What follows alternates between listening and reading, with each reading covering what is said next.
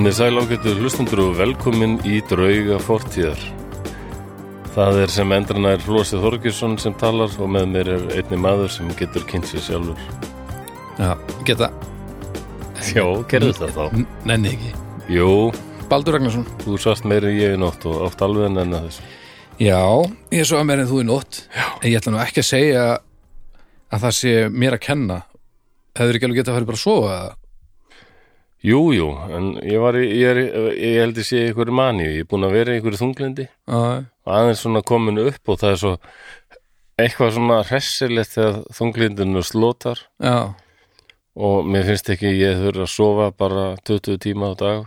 Næ Það er bara klikkað þegar ég er í þessu þunglindi dæmi. Þá- bara sef ég 20 tíma, vakna og er vakandi svona fjóra og þá langar mér bara að sofa aftur. Já, og fer bara stundum að sofa aftur. Já. En eins og En- núna þá En ferðu núna er í, svona liftist eitthvað, það er sól úti og svona þá bara kallin er í stuði sko. niður í 2-3 eða, eða hvað ferðu langt niður? Já, ég er svona tvekja tíma tvekja til þryggja tíma mók. Það er svo afleitt plan, Ég veit það, Ha, ég fæði alltaf ég fæði allt bakið sko. Já, bara, þú, ég er náttúrulega að fá þetta. Það er nei, það þú ert ekki fáið þetta en, en, en En lagðustu niður og reyndur að fara að sofa á skekkunlu tíma eða ertu vakandi þangað til að þú getur ekki vaka lengur? Ég, ég var bara ég var náttúrulega að horfa svo skemmtilega myndir á Netflix og svo bara var ég svona ég vissi ekkert hvað ég ætti að taka fyrir í dag sko. Ég var svona skoða það. já, ég var eitthvað búin að opna einhverja sögubækur að vera með eitthvað svona þurftum Jón Síslumann á 17. öld hérna, og hann var voða hress og var að slá gras og svona Já, bara svona daglegt líf einhvers. já, ég bara, nei, ekki, ekki sögulegt núna eitthvað, það verið eitthvað aðeins öðruvísi Ok. Ú, spennandi. Já, en það verður að vara við eh, vara við efni þáttarins Já, og sérstaklega kannski þeir sem er erfitt með að heyra talað um börn í erfiðum aðstæðum ah, það fóreldar að getur fengið ljótt að segja hland fyrir hjartað nei, bara fengið stingi hjartað sem er klálega betra en að fá Já. land fyrir hjarta því að ég held að þá þurfum að drífa sig upp eftir sko. Ef að það gerist, þá já. er eitthvað hörmulegt búið að gerast. Já, ég, ég hef aldrei rétt um það, ég held að það sé ekki alveg mögulegt Nei, það gerist líka mjög sjaldan held ég sko. Já, Það verður að lenda í mjög sérstöku slisi til að hlandið berist þarna akkurat það- fyrir hjarta.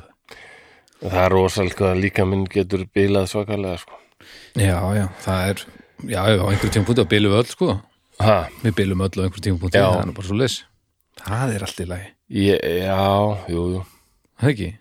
Við vorum að tala um það til síðasta þætti en að fara að pissa sitjandi.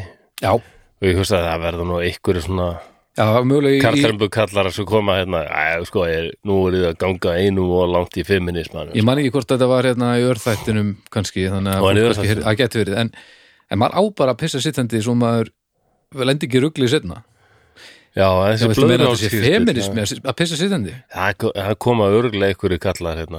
Já, já, það er bara þeir með að að koma. Já, ég, veit að ef Guðmundur Óli vinnu minn er að hlusta á núna, var, ég var alveg farin að hugsa að hann myndi koma að þetta, já, ok, nú aðeins að missa er, Já, ég, ég pissa bara hlaupum. Þannig stundum að gaggrina það við sem svona allum tekið við ekki vera svona lukkurittar sem sem að elta elta hérna e, það sem er í deiklunni hverju sinni Já, og, og, baða sig upp úr því eins og við séum alveg Já, já, það, meina það, það gæti alveg verið þannig veist, þessu, það, það er alveg fólk sem gerir það en þá má fólk bara segja það ég er, ég er eiginlega Nei. bara alveg drull sko. Nei, ég er maður á 60 aldri og ég er að reyna.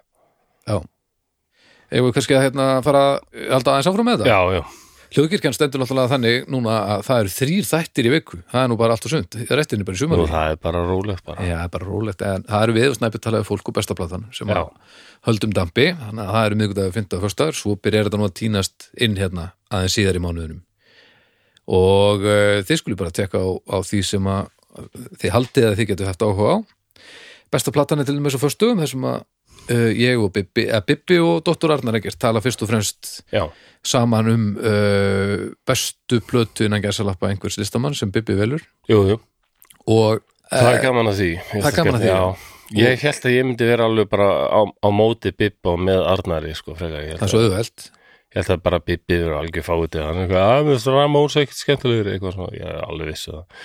Ég er svo leiðilegur Bibba ég held að dæma hann allt og hart. það er bara svo og þetta er alveg snúist við, það ég er bara herra Þóraldsen er fáið það það má bara geta þessum út í frís og hvað hva rugglu var þetta með reits against the machine, það er bara allt brjálað í, já, í, í hérna tónlistarheimum já, ég hérna. sá eitthvað, hvað, ég man ekki almennilega hvað, hvað var Já, þetta hún fast þetta bara liðlegir dóttur- töffarastælar Dóttunum fannst Reits bara astnalegir Já, ekkert merkilegt on, fyrsta platan var AIDS er bara Já, já, og riffin og Morello og gítarinn það var eitthvað að segja eitthvað það. voru við brálaðir við bræður eða? Já, þeir voru Já, alveg já. bara hérna Já, Hvað, nei, come on Já, já, ég meina, þetta er, áttjónum en ég, man, Já. ég var bara eitthvað að lesa á umræðu hóp bestu plötun og bara, ha, akkur er allir svona brjálaðir og og ég man ekki alveg hvað Já. dekka á, sko Ég held að flestir nú bara skemmtilega brjálaði Mér finnst þeim Já. skemmtilegast þegar, þegar þið eru ósamála sko. Já, já, það, það er Já. líka það er svo auðvelt að vera ósamlega bubba þó hann hafi rétt fyrir sér Já,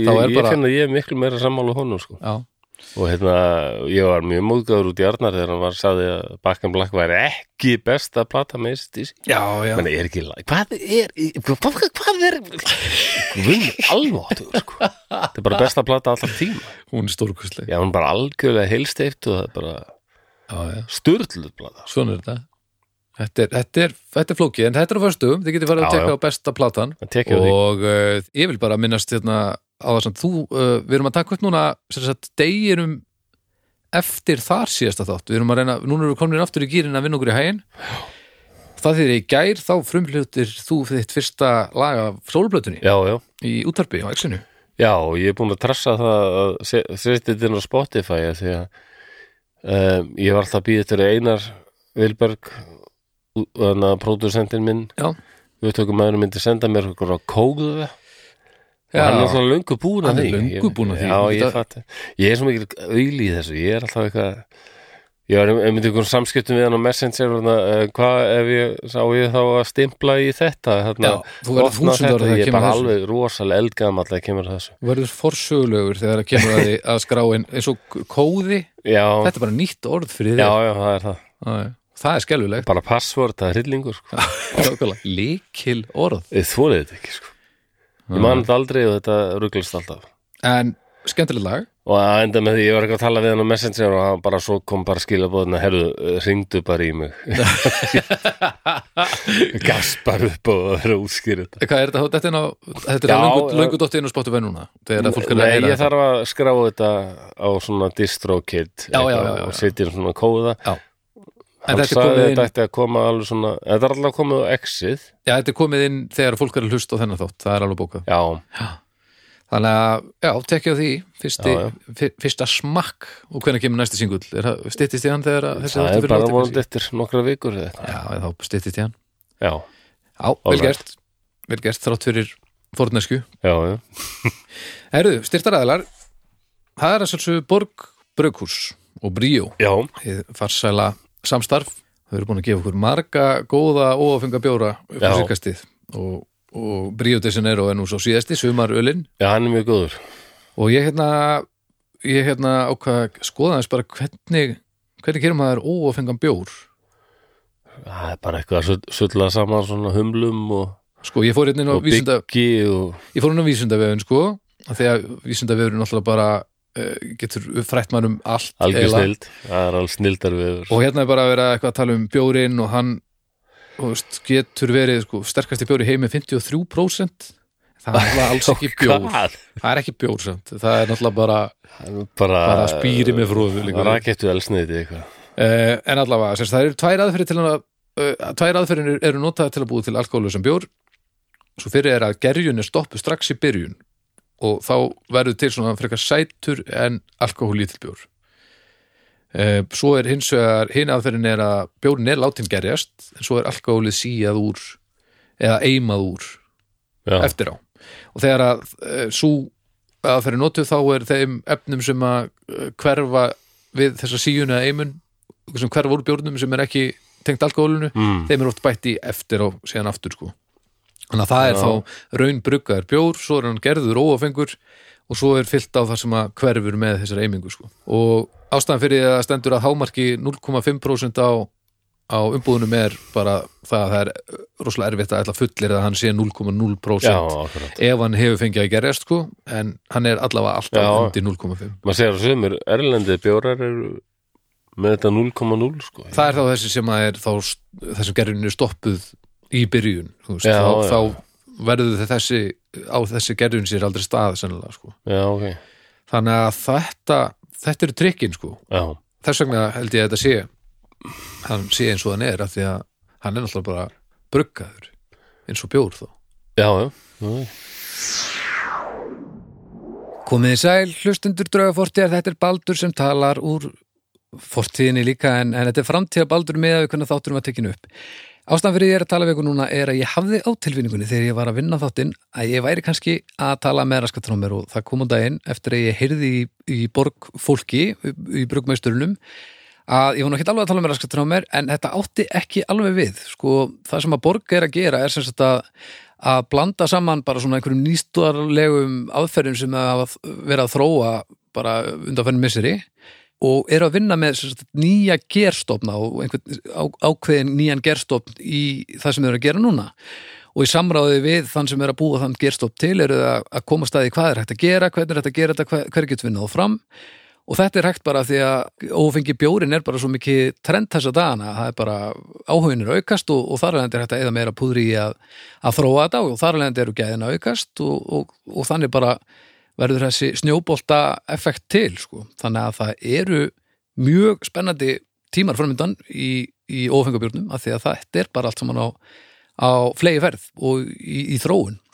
Gaman að því, þannig að allt sem ég sagði á þann alveg rétt en átti ekki við borg. Og þá er það komið hreint og þá tekur flósi fortíðar við og hver veit nefn mann segja okkur svo sem eina, eina dæmisug Ég var aðeins svo seitt hingað því ég uh, rendi sér spengilu maður og hjóli upp á mér þegar ég var að leggja úr höfn á bílnum og þetta Ég þekkti hann ekki strax, hann var þetta vinn minn Óskar Jónasson sem leikstjóri sem gerði nú eina skemmtilegustu bíómynd sem allir íslendingar elska en þó það lífinu held ég, Já. Sódómar Reykjavík. Akkurat. Hann er mikill aðdándi draugana Nú, já, já. Og hann sagði mér hérna og ég, já, það var hræðilegt að hitta hann maður. Nú, hann er 58 ára, já, 5 árum eldri en ég. Já, hann lítur nákvæmlega eins út og hann gerði fyrir 30 árum síðan sko. bara þú, hjóli og svona en ég, ég, sem myndir að þér fyrir 30 árum síðan. Þú ert ekki eins. En þú berð aldurinn sko með alla, allan hennan, hennan bagga sem þú ert með, alla þessa hellun þá er þetta gott lúk sem þú ert að vinna með sko. Æ, ég verð til að letast aðeins. Letast? Já, Já, já, já, já, já. hann var náttúrulega bara eins og hann hefði verið í þjálfun hjá fransku úldendinghjörsetinni eitthvað bara. Já. Já, ég, ég skammaði fyrir að líta svona vel út sko. Já, gott höfur Brjóta Það fólk sagði, já, niður ég er alltaf eitthvað að hjóla og synda. En, en svo bættan við, en ég er reynd að fara að drekka ofenga bjór. Já, Já, já, og það Þetta- er bara þetta er nefnilega þetta, þetta, það er svo gaman hvað margir er að kveikja þessu. Já, Líka- það var bara að því við tökum, tölum um þetta hérna í draugunum hann bara ákvaða að prófa það og, Já, þetta, það, maður er að sjá ótrúlega fólk einhvern veginn prófa sko og líka einmitt svona grjótart bjórfólk sem að nú er þetta orðið sko ef þú ætlar að vera í bjórmenningunni á annar borð þá verður að fara þangað líka því að nú er þetta orðin alveg partur af bjórmenningunni Já, þetta er ekki, þetta er ekki Nei. sko. þannig að ef þú ætlar að vera viðræðu hæfur og ekki bara segjast verið í bjórmenningunni að því að ég langar til að vera raskatinu Já. Þá verður að kynna þér allt saman sko. Þetta, er- þetta er alveg frábært svona alternativ Já, Ef þú gríða ert á bíl þá þarf ekki lengur að vera að súpa hérna einhverja sigurdrykki heldur bara. Nei, fengiði bjór. Þannig að takk Borg enninu sinni fyrir Já. að vera með okkur í þessu. Og svo er það hinn styrstaraðar Já. sem er pizzan. Já, það er alveg frábær og frábært að fá pizzuna inn í það þetta er algjör snild og við, við minnum alltaf bara aftur á þetta stórkostlega tilbúð sem þau eru að bjóða upp á sem er að ef þið farið inn á pizzan.is og pantið ykkur pizza matseli og sækið hana þá getið þið nota afsláttakóðan hljóðkirkjan eða hljótkirkjan Já, þegar þið eru að borga á, á netinu. D-K-I-R-K-J-A-N negla. Og þá fáið 40% afslátt af, af þessum, þessum flatbökum. Það er nú bara svoleiðis. 40% 40% þannig að það er pizzan.is og en ég fór líka aðeins að skoða bara hvaðan kemur pizzan Já, það. Já, pínu. Og sko hvaðan kemur pizzan flatbakan, það er náttúrulega vísindaverun aftur að því að vísindaverun er snill Já, hún er alltaf tengt við Ítalíu en sumir segja hún geti átt upprunnar sinn eitthvað lengra aftur í tíman sko. Já, sko, hérna stendur pizzan samt, ég er mjög saman að því P-E-T-S-A-N, pizzan Pizzan, já, Það er lagi, sko. íslenska heitið En sko allavega, það eru heimildir um að hún hafi fyrst verið bökuð að Ford Grikkjum sko, þannig að já. pekað Ford Grikkir eigið allt meir og Já, sko. já, og þeir voru að baka svona eitthvað stórt kringlótt flatt brauð og settu olíu og krydd og kartöflur og, og alls konar sem er svona sama pælingin en á Ítalíu, Ítalir voru þeir fyrstu sem notuðu tómata á hana á einhvern tímann átöndöldinni já, já.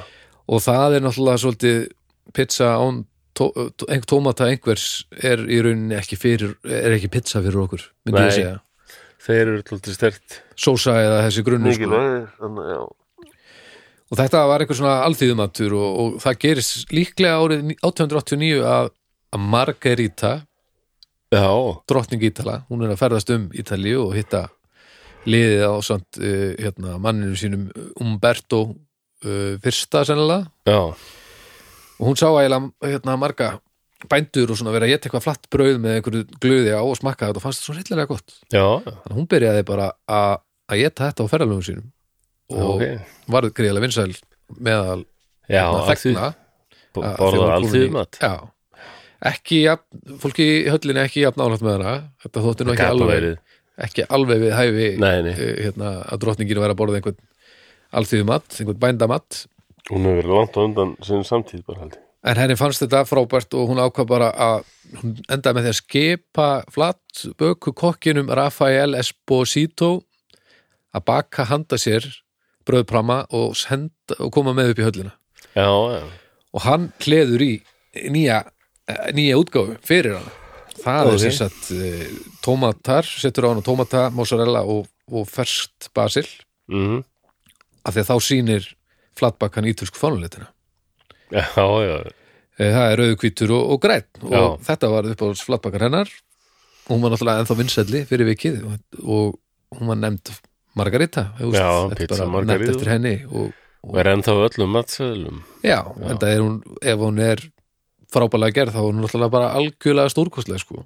Og svo er það ekki í rauninni fyrir bara, sko, hvenar, já, það er ekki fyrir í stríðinu, setna, setna stríði sem að bandarækjumenn og Evrópumenn svona hermenn fara að smakka, Já, já, smakka þetta eitthvað í, í að einhverju viti og, og þá fer þetta breiðast út um heiminn, sko. Já. Svo er þetta bara ítalir og svo ítalskir innflytjendur í bandarækjunum sem voru að borða þetta. já Þannig að þetta eru voðalega ítalir sem svona Já, en svo, en svo er hérna, nafni, nafni pizza er tilkomið af fugli Já, ok sem heitir skjór Já, hérna, já, já. Og rómverjur kölluðu Magpie á ennsku og rómverjar kölluðu píka það er uh, nú og fjæðrir hans eru tvílitar og þótti lita skrúðið minna á álegi á flatbökunni. Hann Já. er bara álegsfugl einhver. Það er rosa fyndin fugl sko. já, og hann er haldið þeirra áratu að sapna hýrum á þessum hlutum og Já, þótti, já. þótti svo hefðun minna á hvernig flatbakan er búin til. Já, já, þannig að, eh, já, þetta er einhver svona skjór, skjó, skjóprami hann er mjög fyndin einmitt hann var þekktur fyrir að stela alveg einhverjum svona glitrandi hlutum. Svona eins og krákan. Já. þegar krákan er, Já, ég held að hann sé skildu krákunni sko. nú, já, já, ok. Af þessari, þeirri eitt sko. en þá er þetta, já, ef við ætlum að íslenska þá er þetta eitthvað svona skjó, skjóbröð eða eitthvað. Svona stelifugl. Já, steli fugl, krákan hún er afturlega fyndið að ef að glampar á eitthvað, þá tekur það bara. Já, og setur þetta í reyri til að eiga flott treyður veit ekki hvort að íslenski ratni gerir þetta eitthvað Hann er alveg pínu glískjarnir ekki en hann er, samt, hann er með aðeins aðrar áherslur einhvern veginn, hann er meira bara í að geta hausinn á lömbum og eitthvað eða festast að gera alveg, hann er illa hann er gufu, styrlu ruglaður sko. Hann er mjög klár hann er rosalega klár það er ekki betra þegar hann, hann, er, hann er alveg siðblindur sko.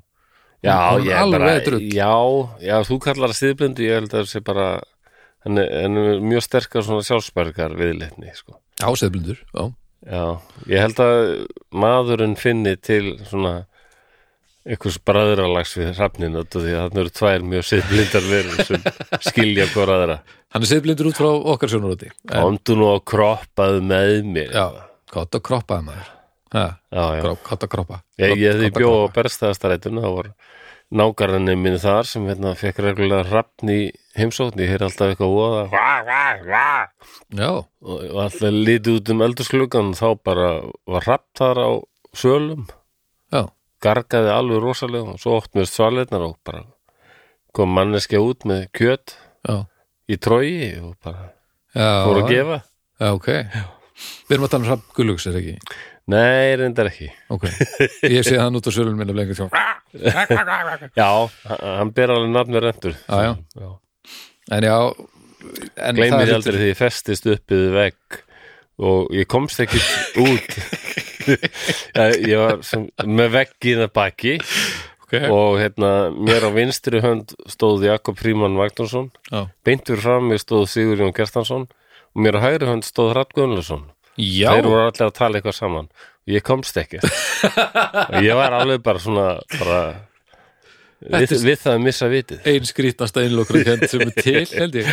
Já, þetta var, já, það er náttúrulega svona Já, formleg innlok Ég sagði það Mjög formleg innlokkur kent svona Stórkostlegi menn, sko. Já, nokkulega En herri, já, pizzan. Já, Takk fyrir okkur, pizzan.is við minnum aftur, farið og pantekur pizzur af matseli og sækjaðir og þá not, getið notað afsláttakóðan hljóðkirkjan uh, til þess að fá 40% afslátt af, af þeirri pöntun. Það er algjör snilt já, það er meira en æðislegt og ef þið viljið aðstóða okkur við að, að betlum bæta þess að þætti og, og geta eitt meiri tími í það og, og gera það sem okkur vist gaman að gera, þá skulið þið versla við þessi fyrirtæki og láta þið finna fyrir því að, að staðarindina þau sé að hjálpa okkur uh, borgi sig. Já, um að gera, það, það er mikilvægt sko. Þetta er bara eins og Life, þetta styrkir okkur ef þið styrkið þessi fyrirtæki Ég veslið við þessi fyrirtæki algjörlega. Herri, ég var að byrja. Já, já, það er ekki bara. Ég, ég hef búin að vara við uh, Já, að minnst að, það er verið minnst að börn og þau eru svona uh, ekki æskilum aðstæðum. Ok, Uh, það má líka ljóstara því upp að nú er komið að það er svona já, það er komið svona hvað maður að segja, blæbriði og þetta er náttúrulega sarpurinn sarpurinn er, já, klæsi en nú er, nú er tímavél. Nei, eru er að fara að ræsa vilna? já, Já, slátt tíma. sér síðast það maður. Er ekki silfur litur samfestingarnir? Silvuðu litið samfestingarnir í húrir já, mér finnst ég vera að fara að vinna meira með þetta. Þetta er alveg svona sci-fi draumur sko. Já, þetta er líka, mér er farið að ekki að væntu tímavilna það ekki? Ég heiti svo miklu tíma í að, að smíða hana þarna fyrst að já, það það gleður mig hún í kombat hérna. Já, gott að þeirra Já. En já, var að, ég held að foreldrar margir hverjir er kannski erut með að heyra þetta og bara allir sem En já, Allir sem hatt ekki börn. velveringar á því sko. Þið Ok. vitið þó að því. Ég var að ræsa vilna Já, við sem gera það. Já. Nú, já, ágættu hlustundur, þá bara komið að því að við ætlum að stíga í tímavélina og þar með særa fram drauga fortíðar Drauga fortíðar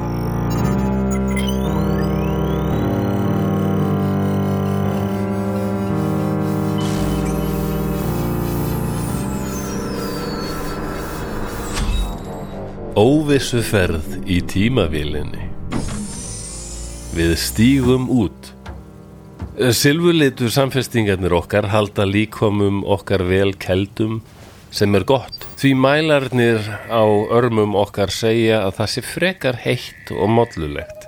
Við vitum ekkert hvaða ár þetta er eða hvar nákvæmlega við erum en við vitum að við erum einhverstaðar í landi sem eitt sinn var mikið efnahags og herveldi og hétt Bandaríki Norður Ameríku. Hér er frekar mikið flatlendi og í raun ekki mikið merkilegt að sjá. En við heyrum skyndilega skemmtilega hljóð. Hljóð sem gefa til kynna að hér eru börn að leik. Við kíkjum fyrir hornið á láreistu hvítu húsi sem er næst okkur. Við fáum smá sting í hjartað er við sjáum að húsið er byggt úr viði. En það fallega efni er jú í útrýmingarhættu á vorum tímum og hefur verið á válista náttúruvísindaráðs jarðarinnar í mörg ár. Þetta hús virðist vera einhvers konar leikskóli eða barnapössun. Enda er þetta löngu fyrir þann tíma er velmenni tóku að sér slík verkefni. Hér hlaupa börn um hlæjandi og skríkjandi. Við reynum að giska á tíman út frá fötum þeirra. Hávaksni ljósherði maðurinn í hópnum giskar á 1985. Ég heyri strax á hreimnum að þessi maður er frá sambandslýðveldi Skandinavíu. Leiðsugumæðurinn brosir og segir Já, þetta er mjög nálægt. Árið er nefnilega 1987 og það er miður oktober. Þó er ennþá mjög hlýtt, enda er þetta á þeim tíma er nattræn hlínun var orðin töluverð og, og litla ísöldin sem ríkir á vorum tíma var ennþá langt undan. Við hljótum eiginlega að vera frekar sunnarlega og það er mjög flatt. Flestir giska nú á að við séum á stað sem kallaðist Texas og leiðsögumæðurinn segir að það sé hárrétt. Það er spennandi. Það er gaman að sjá börn fortíðar leika sér en smá vonbriði samt að hafa aðeins farið 300 ár aftur í tíman. Ég hefði gætna viljað vera hérna einni öld áður. Þá var þetta vilda vestrið eins og það var kallað og við hefðum mögulega geta fylgst með bardugum indi afsakið frumbyggja við kúrega eða eitthvað þannig, eitthvað spennandi og leiðsögumadurinn virðist átt að segja á að okkur finnst þetta já, ekki neitt sérstaklega spennandi eða markvert Hann segir þó að hann hafi beðið tölvu tímavelarinnar að senda okkur á já, svona sæmilega merkan atburði í heimsögunni og það er einkennilegt því að tölvan í tímavélinni hún klikkar aldrei á slíku. Við erum lögð af stað í vélina er við tökum eftir því að börnin eru hægt að hlaupa og æslast. Þau standa nú öll grafkyrr og þögul á einum stað og horfa niður í jörðina. Einkennileg hegðun. Nú hlaupa nokkur þeirra æpandi að húsinu og það er greinilegur skelvingartótn í rödd þeirra. Við flýtum okkur til barnana sem standa í nippingu. Þau taka auðvitað ekkert eftir okkur því búningar okkar koma í veg fyrir slíkt og hindra að við getum hreift við nokkuru eða breytt einhverju. Við getum bara fylst með. Nú sjáum við hvað börnin horfa á og þetta er bara lítil hóla í jörðinni. Nú kemur fullorðin kona æpandi út úr húsinu. Hún öskrar af skelvingu. Orðið sem hún æpir er Jessica. Við könnumst við það. Það er nafn og er ennþá notað á sömum stöðum á plánetunni. Í hópnum eru tveir bræður frá Mars. Það eru strax orðir þreyttir, mása og stinja. Augljóst að þingdaraflið hér á jörðinni er ekki að fara vel með þá. Annar af bræðrunum hefur beitt sér niður til að rýna í hóluna. Hann kippir skyndilega við eins og hann hafi fengið rafströym og segir með skelvingarómi Bambino, pianto. Þýðingabúnaðurinn í hjálmum okkur er fljótur að bregðast við. Þetta er ítalska og okkur fellur allur ketill í eld er við áttum okkur á því hvað hann er að segja. Hann er að segja, það er barn, barn sem grætur.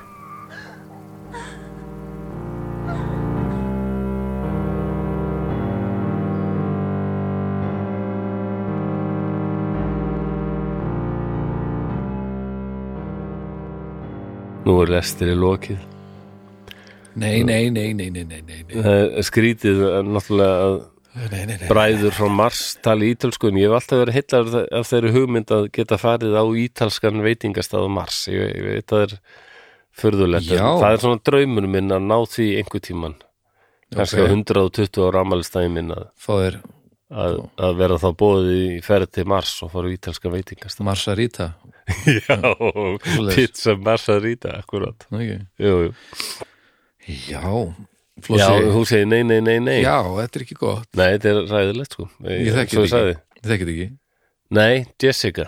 Jessica. Nei, þú varst náttúrulega bara Þrygg- þryggja ára. á 1987 Já, já, en ég, ég var 19 ég man eftir þessu. Þetta var sérst í fjölmjölum hérna. Já, bara Allan heim allan heim Ó, og sérstaklega í bandaríkjunum. Ó, og það voru allir bara hvað er að frétta af barninu í hólunni ó. Aumingja Jessica ok, byrjum að byrjun eða því að þetta verður hörmulegt. Já, kannski þetta gerist reglulega. Menna, þú mannst samt alveg eftir tælensku strákunum sem fór í hellaskoðun hérna fyrir nokkrum já, árum. eh, já, svo fótballtalið bara komið flóð og þeir voru bara fastir hérna Já, meiri hátarvis en náðum út. tíminn tíminn byrjaði svo snemma og, allir fylltist og, þeir þú að kafa hann í gruggu vatni tröngum hellum og þetta og var, sko ægileg ströymar og þetta var alveg hvað klukktíma köfun? já, þeir eru alltaf líka hrættir við að þeir myndu kannski styrna hræðslu að bara fyllast klukkutíma köfun að, komast til þeirra minnum við Úf, þetta er alveg úðalegt sko. og þegar þeir voru að leita að þeim þá var náttúrulega bent ekkert til þess að vera á lífi sko. Nei, nei Það er náttúrulega myndbandaði þegar kafararnir koma þarna fyrst, tveir brettar já, það, Það var, alveg, það var finnst mál. svo það var ótrúlegt mál. Já, og þá sér, sér maður alveg sko í bíómyndum með fólk alltaf grenjandi og æpandi og skelving já, Þeir voru svo rólegir sko. já, svona heilt yfir já, Já, en náttúrulega alveg felmtri sleiknir og skelvingur losnir en, já, en svona er hræðslan, hún er oft bara þögul sko. hún leggst mismundi, já líka þegar þú færi svona um djúvill langan tíma sko. það er svolítið annað sko. já, það var voðalegt mál sko. já, það var svakalegt og það fylgdust allir með því já, Svo voru hérna námuverkamenn í Síle árið 2010, ég veit ekki hvort maður stættu því það var líka, jú, með rámariða en ég Já. man náttúrulega ekki, ekki að vel eftir í nei, það er kannski ekki Það var- alveg það var sorgarsaga, var það ekki Já, það tókst nú að bjarga hans sem mörgum sko. var það? Já, ok, þá var ég að rugla saman. Að, ég man ekki hvort að einhver lést, en það tókst að bjarga með mörgum. Já, en ég las aðeins um það og þeir hafa glýmtið rosa eftirkvist af því sko, svona PTSD og, og svo er þetta vist mjög oft erfitt fyrir sko þá sem er að bjarga. Já, já. þetta er sim- minna álaða þá sko. Nei, þetta er just alveg ótrúlegt að, að standa í svona sko og þessi stelpa, Jessica McClure til dæmis það var einn af þeim sem var í því að bjarga henni. Hann, þetta fekk svo mikið á hann að hann enda á því að taka sér degi líf setna sko, já, hann bara náðu sér aldrei eftir þetta, þetta var sem, og það bandaríkin voru alveg bara það var, það voru allir bara fylgjast með þessu, bara fórsetin var bara alltaf í símanum og bara þetta gengur og, og allir, allir náttúrulega fylgistjórnin bara alltaf mættur og allir og bara já. og alla sjónvastöðar það, bara, það snýrist bara allt um þetta litla barn. Átján mánaða gömul sem var að leika sér og er að hlaupa hérna bara okkur gra, grasbala hérna í Texas og svo gaman. Uh, hún fætt 86 já Jessica, hún er, var alltaf kvöldu baby Jessica og hún var hérna hjá frængur sinni bara í, bakgarðinum sko. Sem var eitthvað svona smá barnapössun eitthvað, barnahópur já, í Midland, Texas. Þetta er 14. oktober 1987 hún er bara eins og hálsás ok, bara að hlaupa. Já. og það er eitthvað gamall brunnur hann, borhóla er þetta manngert helviti? já, æ, en bara 20 cm breytt en þetta litla bat, hún bara dettur þetta onni og fellur alveg 7 metra niður í jörðina.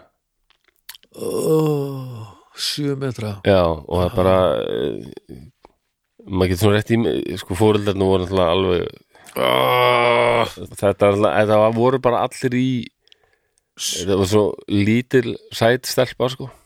Og hérna bara eins og hálsás. Sjö og það heyrist í henni sko ok, þetta er að versta sem ég get ímyndað mér að lendi í. Já, getur ímyndað bara, ég menna hvað er hún hérna, Bergrún? Bergrún, heitir Já, já manni þetta, ok.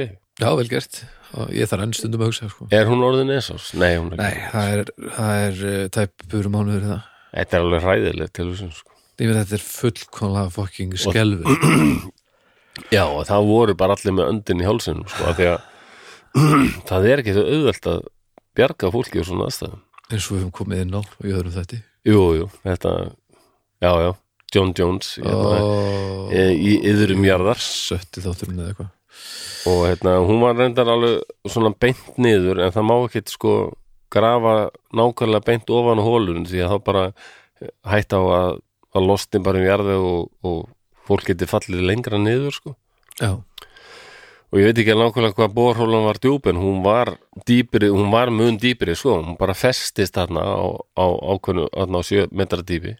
Stoppaði bara þó en hún var miklu dýpri sko. oh, og það var líka hættan sko. þau þurftu að bora þá niður sko við hliðin á. Það er víst gert sko. Bora niður á það dýpi sem hún er á og svo, svo bora lárétt. Þar sem, og, og opna þar á milli einhvern veginn sko en svo er það tækin og tólin sko. Það var svo sem alltaf að grafa og bora niður. Já, en svo var bara stein, steinklöpp og þeir eru um loftbora já, sem eru þeir eru til þess að bora niður sko. Akkurat. Og þeir voru hvernig að halda á þeim láréttum og bora það bara var ekki hægt. Þurftu sérst, býtunum við, var sérst ákveðið að búa til björguna aðgerð sem er að bóra, fyrst niður sko, við hliðin á. Já. Hverjir eru að gera þetta? Að bara björgunarsveitar menn sko og bara, Já, og hérna það var fullt af liðir sem kom að þessu sko. Alveg eins og með John Jones það var fullt af fólki sem var að reyna að bjarga honum. Og var þá sem sagt bórað niður við hliðin á henni. Já. það samt stóra hólu að menn kemist þar onni með, með vinnuvelar og svo reynda að vinna sér til hliðar. Já. Og það þarf samt að fara að valja að alltaf hætt á því að að losna eitthvað um og fólk bara rapi Já, dýpra niður það hefur því miður gerst sko. Ok. Um, og það er bara, já ég kemur betur að því setna, það er bara ekkert langt síðan að slíkt átti þessi stað á Spáni ég veit ekki hvort það, ok, sem var hræðilegt. En ok. Og næstu 56 klukkustundunar nei, nei, nei, nei, nei, Jú. nei, nei, nei, þá var unnið bara bara nótt sem nýtan dag þá var bara stöðug vinna og hún var föst hana, hún var föst í svona í 20 cm hólu, og, hún hafði slasast til mikið sko. Ok. Sjö sko, fóturinn á henni hefði einhvern veginn beiglast þannig að hérna, neð á henni var eiginlega við enni á henni sko. upp á við bara. Já. Og var að stopp bara vegna þessi eða?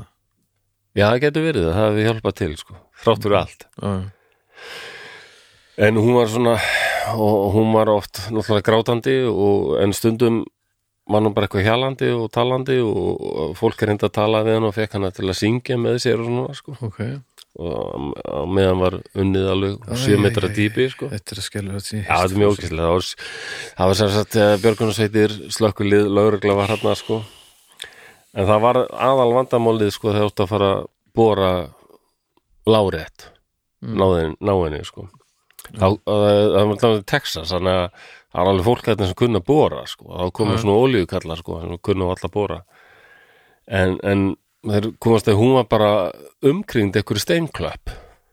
Ok, og þessir loftbórar dugðu ekki til. Ok. Og bara engir borar sem þau notuðu. Þannig að, þeir, að þarna var fólk orðið bara skelfingu og lostið sko, bara við komumst ekki gegnum sko, hún er bara þarna hinum megin við hennar stein þessi anskota stein.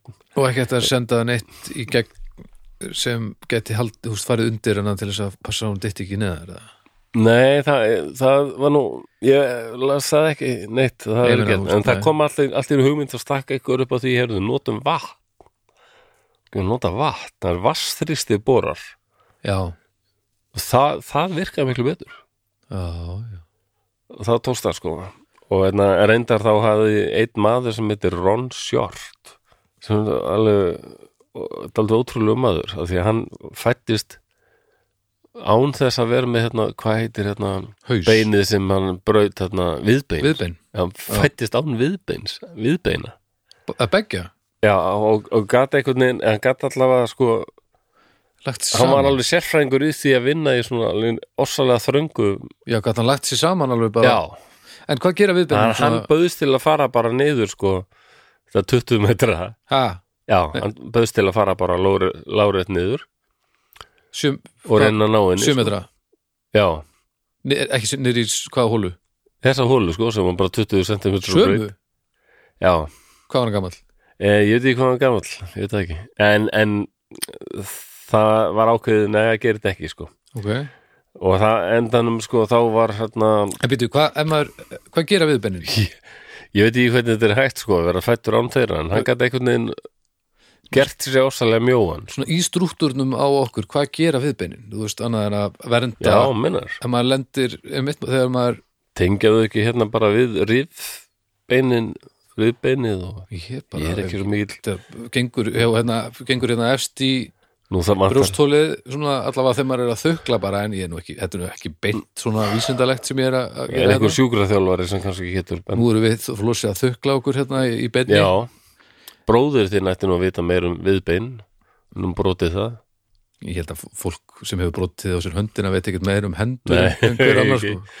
Ég man ennþá eftir því ég var á nætuvakt geða deildin í Danmörku sko þegar hérna var hringt og það var bara gerast hann að spipa sko þau voru búin að sig ykkur að bjóra held ég.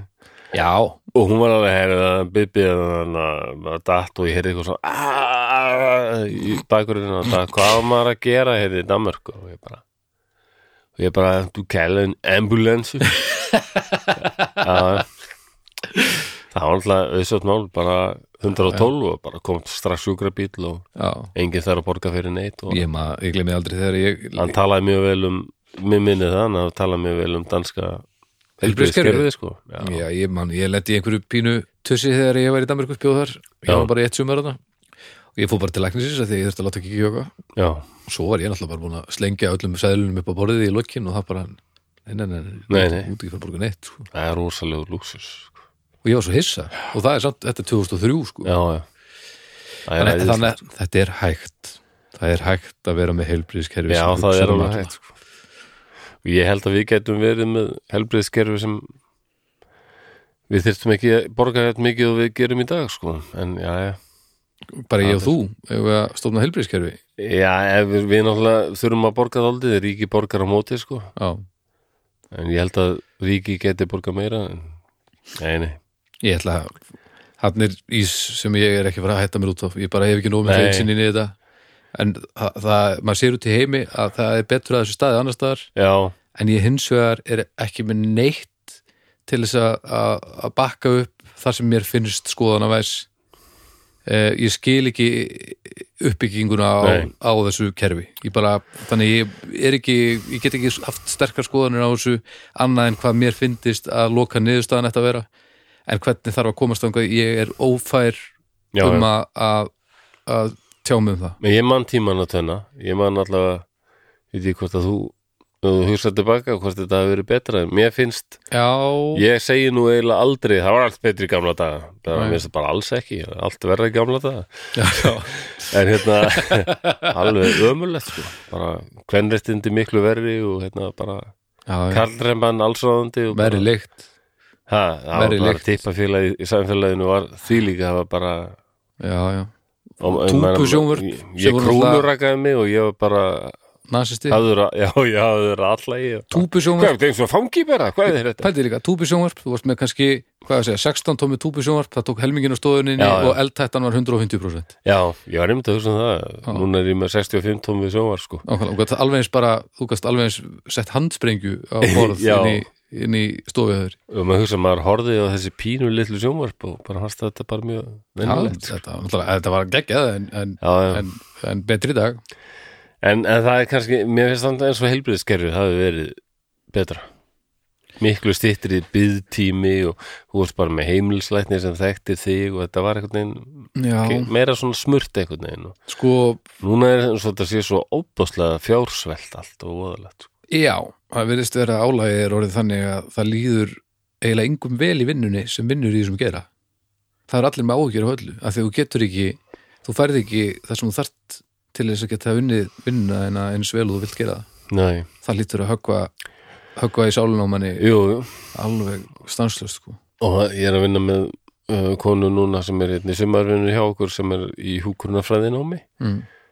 hún er náttúrulega, já, já, hún er það eru nokkur tugir hjúkurnafræðin nema eitthvað svo sagði að það var tveir karlmenn sko. Og Já. svo er kannski 25 konur já, já, já. þannig að þetta er ennþá, þetta breytist ekki neitt sko. Karlmenn hafa engan áhuga þessu djópi mér finnst þetta miklu í Danmörku þá eins og við sjúkrarlegarnir í Danmörku við komum úr öllum aldri og öllum áttum. Og, já, já, já, já, já, það var alls konar miklu skemmtilega já, já. En aftur að Jessica já ég var bara að reyna að fá smá frí. þannig að hérna, maður sem hétt Robert O'Donnell sem var svona þjálfaður bráða liði sko. ok, hann, hann hún er tókst að tróða sér inn til hennar. Í gegnum kla klappar ég, klappargöng þá. já, já. og, endan, og hérna Hann, var, hann var og, og losa hana ok, og, en hann gæti ekkit farið með hann út sjálfur. Svo er Ok. þetta ímyndið sér hvernig þetta var nákvæmlega. Nei, nei, en hann gæti ekkert neginn rétt öðrum hana. Ok. Og hérna, ég ætla að segja reynda frá fleiri svona málum sko, ok, og það er til dæmis á Íslandi hvað þetta er rosalega erfitt. Ok, ok. Frábært efni í þátt og það er, er einn þekktasta sko, það er einn þekktasta svona frétta ljósmynd bandaríkjana held ég bara. Af skí, alveg drullum svona bráðaliða hann er bara kannilega svona hrublaður og, og það er fullt af fólki í kring sko, ok, og hann heldur á svona litla líkama sko. að og, og, og svo kom, kom fréttin. Hún er á lífi. Hún er, þau björguðinni já, ó, takk Flúsi, takk fyrir en, að en, takk en fyrir að, hérna- það var sagt sko að bara meina, tveir klukkstund tveir klukktímar viðbót sko, það bara akkurat, ég meina, Æ, 58 vá. klukkustundir saman. barnið. Ég færi þetta allt beint yfir á bergrúnu sko. 58 Shit. klukkustundir er hún þarna. Og hún hérna var slösuð sko það þau þurft að hún þurft að fara, hún beint á spítal og var þar alveg í einn til tvo mánuði og hérna það þurft að taka eina tá af henni að það var komið drep. Okay. eina því að hún hafði fest fótinn svona einhvern veginn alveg upp við höfuð á sér. Þannig að það var bara ekkert blóðflæði þar sko Ok. og það var bara að byrja að drepi í fætinum sko. Ok, og enn þann dag í dag er hún sko, ég held sem 35 er í dag hún er ennþá með ör á enninu sko sem hún hafði hrublað sig og, að, já, og hún er búin að fara í ykkur 15 15 uppskurið og allir fjönda svona sko. nú já, var en hún man ekkert eftir og braut hún löppina? Ég veit ekki alveg hvort hún braut, sko, brotnaði sko. það er mjög skemmtileg myndaðum líka með, með þávarandi fórsetað bandaríkjana já, hann heldur á henni og það er allir hlæjandi og hún er svona algjört krút sko. hver og hún er er búin að taka gleröðun á honum og sitja á sig. Já, hver er fórsetið þannig það var þann George já, já, já, George já, H.W. ég veit það ekki jú. En aðeins svona klárari búsin. Já, en í samhenginu þá segir það nú kannski ekki ekki að hann var engin Einstein samt. Nei líklega ekki sko. Já, hann var nú fórstjóri CIA og, já, já, og flög, flugvölum í stríður svona. já, já, já, já. rosa dullur en sonur hans þurfti ekkert að fara til Vietnam sko, hann slapp. Já, fekk bara að fara í tjóðvarliðið og þess vegna slapp hann það var ekki einn af fávitunum hans McNamara sem við töluðum um nei, akkurat. En, en hann var nú svo, svolítið ringlaður í embætti. Já, hann var oft voðalega. Aldrei höfum maður eiginlega trú á því að myndi samt koma annar fórseti sem myndi eiginlega algjörlega slá honum við nei, í, hann var samt í ekki öllu rugli hann var ekki jafn ringlaður en hann var bara svo hann var bara svo Trump, um myndi segja að Trump virkaði ekki jættur ringlaður, fannst þið það ekki? ekki, hann, Mér hann hann alltaf virka bara eins og fiskur og þurfu landi sko. já, en hann satt alltaf hann held allavega held ímyndinni að hann vissi hvað hann var að tala um sem var ástæðan fyrir því að fólk var enn með honum í liði þarna Já, vissi það, sko. ok. já, svona le, hann leik þetta nóg til að fólkið hans held að allt væri eins og að já, jú, jú og ég held að hann sé ekki, hann er ekki auðli sko. ég held að hann er ekkert heimskur sko. Nei, ég held að það, það gleymist svolítið ofta að hann var náttúrulega bara stóra ætulur því að hann, hann er engin 100% Nei, skjáð en eitthvað, eitthvað svona veruleika fyrtur kannski, ég veit Já, ekki, hann bara- er bara alveg útrúlega það tíma var bara í raunveruleika þættinu með þó Já, já, nákvæmlega, og það er bara allt business og peningar, það er eina sem mann hugsa um, sko. skýtsam eitthvað um demokrati og eitthvað svona, bara alveg saman það, sko. bara snýst um að vinna, vinna heiminn. Og er bara, hittir eitthvað gaur, sko, já, þetta er, hún, hún har sagt bara að þetta er innræðisherra og bara það er ekkert frelsi í landinu. Og hann bara, já, ég, ég veist þetta ágætt skoður, sko, ég Já. virkar ágætlega á mig, hann er svolítið það sko. já leiðtóði norðurkóru, hún list bara ágætlega á hann, ágætt skoður, sko. flott ár. Já. Já, já, já, en hún er sem sé bara en hún var sem sagt ekkert eftir hennar og þetta hafði, en þetta foreldra hennar voru bara þau þau, þau, er, má segja að þau liðið ekki af af því hjónabandið bara var búið sko. já, það það kemur svo bara náttúrulega ekki neitt óvart Nei, þau skildu bara fáum árum setnuð sko. já, og móður hennar ef ég mann rétt hefur talað að setna að þetta bara þetta bara situr ennþá í henni sko. Þetta er bara, þetta er álag að vita barninu að niður í jörðunni Já, staðar. ég, einmitt, ég er færið alltaf yfir á bergrúnu sko. Þetta er allt það versta bara sem gæti gæst ég. og hann hann Og hann er Robert O'Donnell sko bráðaliðin sem komst að henni Já. tróð sér alveg þarna bara tróð sér hreinlega sko leið að henni. Og, og vann alveg bara eða hetjut áð hann áður sér heldur aldrei sko.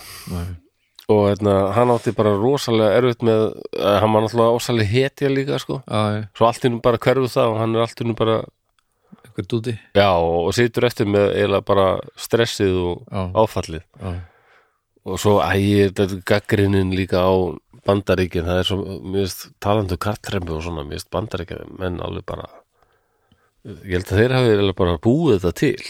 Mm, þessar kartrembu sem við svona búum við í dag, bara eftir setni heimstöldina og allir svo harðir og töff og bara vestramyndirnar og já, allt þetta sko. Malboro Man og svona. Reykja bara Lucky Charms ekki Lucky Charms nei, nei það er, það er er svo- nærði að vera englarik já, já. Hann framdi sjálfsmorð bara, já, 1995 Já, ok, það er rosalega maður. Já, ok. Já, og hérna Jessica, það var enda stopnaður sko, að fóldrarna voru ekkit sterk efnuð þannig að það var stopnaður svona sjóður sko. Já, og það var alveg komin einhver miljón dollara í það sko, hún Já. átti að fá það þegar hún er 25 ára. Ok en áður en það gerðist að, að, að hún lendi mjög ítla í þessu 2008 bankarhunni sko. en að mikið af þessum peningum bara hurfu sko. en hún hafði þó nóg eftir allavega til þess að einhver nokkur hundruð þúsund dollara eða nokkur þúsund dollara hún gætt keift sér eitt hús allavega hún er tvekja bara móðir í dag og Ok. bara venlu húsmóðir og hún segir um þetta man ekkert eftir þessu en henni finnst alveg rosalett að við esum þetta sjálf sko. Já, og hún segir þetta, þetta sýnir bara að það er rosalega mikið til af fólki sem er alveg löst við eða sem er alveg bara tilbúið að leggja sig hættu og vinna gjörsálega já, bara ganga, ganga frá sér vinnu og leggja allt já.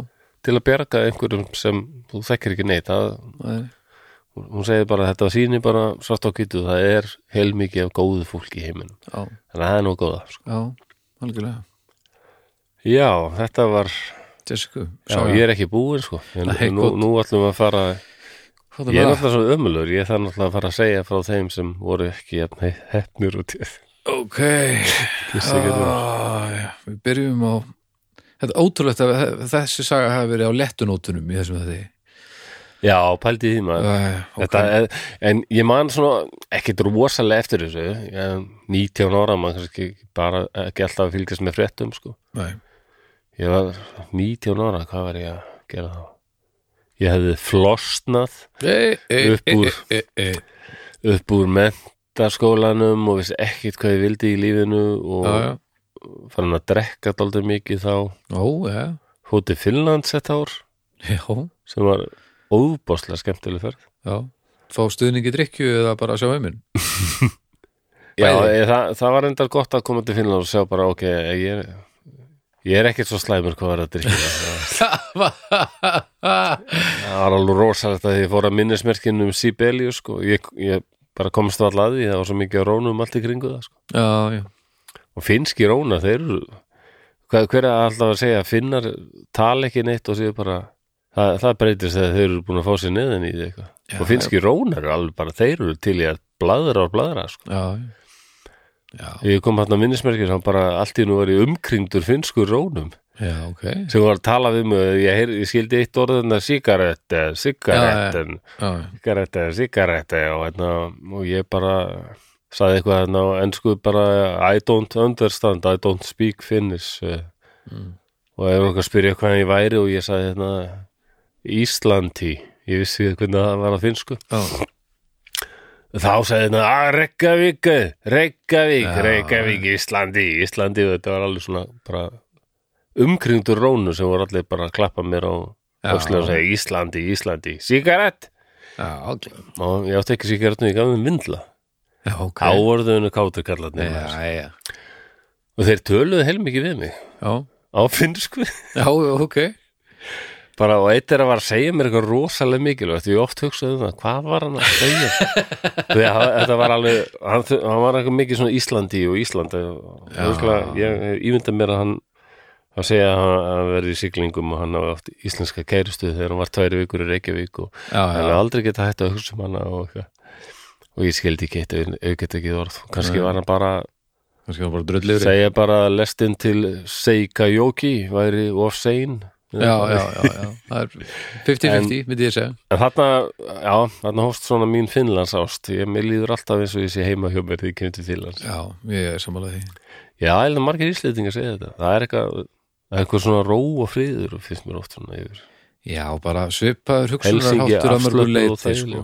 og svipaður húmor og Já. þegar maður kemist inn fyrir skrápin þá er þá kynnist maður fólk í alvörunni já, og finnar hafa rosalega húmor, maður. Já, Mér finnst þeir hafa Rosalegs. æðislega húmor. Og ég mynd bara, já, kaltaði niður og bara, mm. En hvað segir er, hvað hörmungar Já. er með núna? Uh, ég ætla að byrja hérna á uh, árinu 1925. Ok, Um, það var maður sem heit William Floyd Collins sem var hellaskoðari Nei Jú, hann, var, hann var einn af þeim sem var farin að fatta að það var alveg áhuga á hellum og heilmikið til af ruggluðu fólki eins og honum sem vildi tróða sér inn í ykkur sprungur og, og skrýða, þú veist, eins og þetta fólk hann, John Jones og þetta. Já, já, og fyrir, ég hugsaði alltaf að skoða hell, helli þá lappaði ég bara nær, nær því uppréttur inn í ykkur kvelvingu. Já, ég hef aldrei dótt í huga að það verið eitthvað að tróða sér inn í 30 cm op og skrýða bara eins og snákur Ég kannski skil, 20 metra bara onni í jörðina. ég skil alveg af hverju fólk gerir þetta sko. Ég, þetta lítur náttúrulega að vera eitthvað svona Kekk já, en oi bara. Og þegar þú ert komin í gegnum eitthvað og þá kemur kvelvingin sem að þú veist að eiginlega enginn hefur komið í. Já, það er eitthvað svoleiðis en, Það sé alveg gaman sko.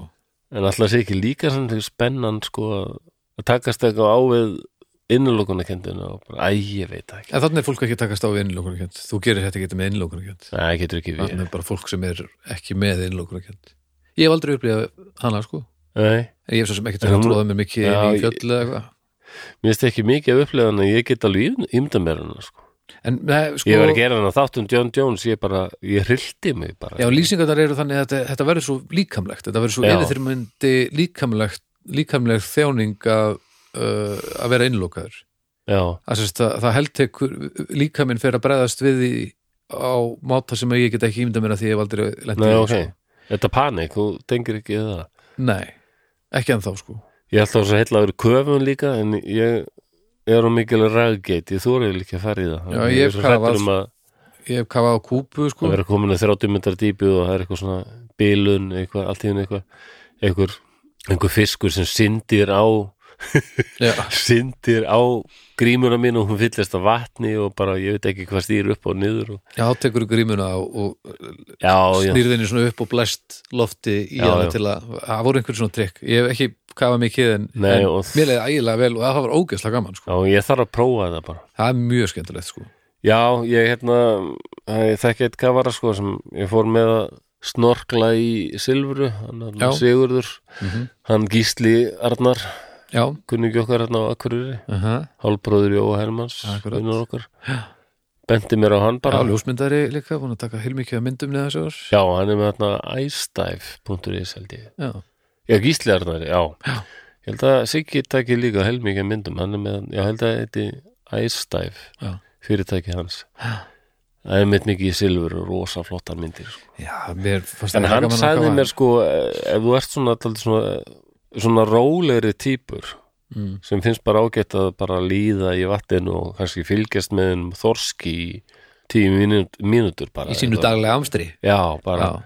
þannig típur brillar alveg í köfun Hvernig er eftir með dagur í virkri bara svona á virkum degi hjá Þorski já, ég þarf að sækja hrognin á leiksólan Já, nokkala, fylgjast með þeim ég veit ekki, þeir eru alveg rándýr held ég sko. Þorskarnir? já, alveg Já, já, ægilega 90s með hann hökutopp. Já, já, það er enn minn næntís, það er rétt. Já, já. En ok, aftur að honum William Floyd Collins, hann var hellaskoðari og fatt að það var eitthvað sér að hann vildi kaupa eitthvað lönd. Hann var búin að kaupa eitthvað helli og var að vinni því að gera hann aðgengilegri fyrir einmitt svona hellaskoðunar ok, og hann er bara þarna 17 metra og í jörðinni. dútla í janúar 1925 ok, þegar hann bara festist. Bara upp úr þurru? Já, hann er bara eins og John Jones hann bara fer hann er eitthvað að reyna að vika eitthvað út og bara gemur sér sjálfhöldi kemst hvorki framni aftur sko. Ok, en það var hægt að koma til hans sko en það var reynt að bjarga honum. Og hann er svona eitt fyrsta dæmi að 25 er útvarpi komið. Já, þannig að það er alveg alltaf í útvarpinu sko hérna maðurinn sem er fastur í helli og nýjustu fréttir og, Já, já. og það var mjög mikil spenna í bandaríkjunum sko, að þessu. rauntíma. Maður sem var fastur já, þetta fylgist með rauntíma. Það bara er fréttir af manni, því líka uppfærsla maður. Akkurat. Þetta va- vakti rosa aðtegli í bandaríkjunum sko. ok, og þetta er ógeðslegt. Er þetta? Já, hann, að að það var hægt að koma til hans mat og vatn. Þannig að það var jákvætt mm. hann var ekki í svona eh, svona ræðilegri stellingu svo John Jones sem var með bara niður. með hausinn niður sko. lágan eða, já, hann var eiginlega bara láréttur þessi sko. ok þannig að hann, þetta hefði getað sloppið já. ef hellirinn hefði ekki tekið upp á því að hrinja ha, hrinja yfir hann yfir hann já, þannig að bara allt um bara, bara hrundu bara steinar, þannig að það var ekki lengur að komast að honum það eina sem var að var að tala hans við hann sko, þeir heyrðu svona í honum. Það var ekki ekki á hann þetta göngu en ekki lengur hægt að koma til hans mat eða vass eða neinu sko. Hann fastur í tvær vikur á þessum stað, nei, nei, nei, nei. og en, alltaf, hann dó og endan bara úr hungri þorsta og ofkælingu blöndu af þessu. Þremur dögum eftir hann deyr þá ná björgunarsveitirnar að koma staðanum sko. Þrý dagar þá hefur þetta björgunum og og þetta er svo ógislegt þetta er eiginlega bara svona yður í erðan nummer tvö hérna. Hva, En þetta er merkilega svona, já, þetta vekur svona rosa landsategli. Og svo árið uh, 1949, já, þá er sjónvarpið orðið til. já, Þá verður eiginlega fyrsta svona sjónvarpshella björgunar skelvingar málið ok. til. Og það er, já, það er eiginlega alveg hræðilega voðalegt. Ó, þetta er svo Ok Það er brunnur í Kaliforníu Bandaríkjamenn eru svolítið í þessu og það er sæt og skemmtilega þryggjóra stúlka. Nei, nei, nei, ég veit þú átt þriggja ára barn. Nei, nei, nei. Ég veit þú að tryggjara stúlku Fyrirgeðu mér, hvað hef ég gert? eh, Ok, hvað er með það? Hún hétt Catherine Ann þryggjara gömul og bara hlaupandi glöð og, og kátt og syngjandi elda fyririldi bara í Kaliforníu Mm. í apríl um, þegar hún dettur niður í brunn sko og það er hræðilega vont sko hún dettur niður, þetta er alveg þokkalega breið hóla Mm. 36 metra breið sem þarf ekkert að ve- vera betra sko 36 Þá- centim, centimetra breið. Já, það, ef hún er breiðari þá náttúrulega bara Já, fellur hún greiðilega sko. Ef þetta er þrengra þá kannski festist hún á okkur sillu og svona. En hún fellur niður á 30 metra típi það er ekki Það er ómikið, sko. Já. Og þarna og þarna er sjónvarpið komið sko. Og þarna er bara öll ameríska þjóðin að fylgjast með það, sko. Ef fólk er alveg á fullu að reyna að ná henni þetta er mjög djúpt og Hvað er það, 40 þetta er 48 48 april 48 og fyrir fyrsta svona já, og því miður þá þetta er bara, þetta er alltaf 30 metrar. Já, þetta er svo eitt þriði af Hallgríms kirkjuturnum eitthvað svo leiðis, neða, hann er svona 75 Já, eitthvað svo leis 30 metrar er ann fjandi djúpt sko. Já, þetta er bara eins og 30 metra löng stöng. Já, er eitthvað, er eitthvað hérna í Reykjavík sem er um, 30 metrar hátt? Ekki svo í muni, sko En segðu mér já, bara en, já, Hallgríms kirkja er 75 Festist hún, cirka 75 Festist hún Þarna, já, og hún hérna, hún var dáin þegar björgunar fólk loks kom staðinni En hún að- ekki við fallið? Um, Jú, ef ég mann rétt þá er nú talið að þetta, þetta fall hafi bara verið of hátt og, og hún hafi líklega dáið fljótlega sko. Ok, en þetta er langt síðan hann eða svona oh, já, já, skot hans drasl og, já, já, og þá er komið að næsta barni. Jésús fósi fyrir gefðu já, ég, ég átta mig kannski á því fyrir ég byrjaði með þess að þætti. Oh. hvað þetta er kannski voðalegt. Uh, en svo ég var með hérna sem er flott sko. um hérna alla þessa drengi hérna sem voru sendir í Vietnamastriði Já, sko. Það var ekki fyrir ég að byrja að tala um það og þú varst alveg bara alveg eins og ég hefði ný, ný, nýbúin að segja þér bara öll þín fjölskyld að þið verið að farast í bruna Nei, ég meina pældi, það var svo já það er svo ógeðslegt. kaldran það var svo, já, það var svo Þetta er þó bara ömulegt slís þetta var bara Já, já, algjörlega, en, en aðstæður sem að Já. maður vill ekki að koma upp. Nei, þetta, ég var til í þetta gæriðist aldrei en þetta, þetta hefur gerst og, og, og það er þannig og mun halda áfram að gerast. Æjú Þetta, er- já, En já, hvað ef segir við fænum okkur til Ítalíu.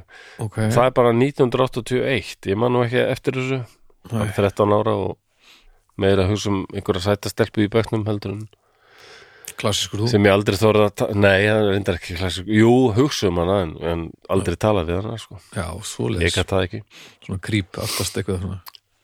Ég, ég þorði ekki svona að horfa að þér sko. Nú, já, og ef ég, nei, ég mænum þetta á þessum tíma það var ein sætast stelpun í- bekknum, hún gekkir í stræt og ég bara, "Hó, kemur þessi og hún svo, svo sæt? Já, og allt henni leitun á mig og sagði, nei, hæ, flósi og settist við hliðin á mér maður. Til í ég bara, ég var halló var í bæinn. Ég bara ég, ég alltaf þið reyndi að tala að stelpa á þessum tíma, þá bara var ég eins og ég væri með 50 í grindafissi tölu. Já, já, já, já þá breytist úr Rómeó í Mm, þetta var ekki Nó- nómeo. mikið breyst sko, en svona smá. Já, já, jú, þetta lagaði svo sem þannig ekki lag, mikið. Nei, Já, en hérna Já, það er strákur sem heit Alfredo Rampi, sex ára gammal Ok, Ítali um, Hann dettur líka í fjandast brunnar maður. Dettur í brunn Er þetta gamlir Sem brunnar eða er þetta í nótkum? Mjög djúpur og, og mjög sko þröngur Svona 30 cm Jú, með margir oft gamli brunnar sko Mm. En þetta er alveg hryllingur að þessi brunnur er 80 metra djúpur sko Úff. og þegar björgunar fólkið var að átta sig á hvar hann væri þá reiknuðu út að hann væri líklega sko á milli 30-40 metra típi. Og það var gert það sama eins og með Jessica sko, það var að bara að grafa sér niður Já, eh, lóðrétt við hliðina á sko. Já, því miður þá þá bara gerist það ég myndi ekki segja að þetta var eitthvað ítölum að kenna og að þeir séu eitthvað að klúðra heldur er þetta bara hættul, er, hættulegt sko. Og það gerðist það sem allir voru hrætti við að, að allur þessi hristingur já, var til þess að það kom hreyfinga út allt og hann fjall aðra 30 metra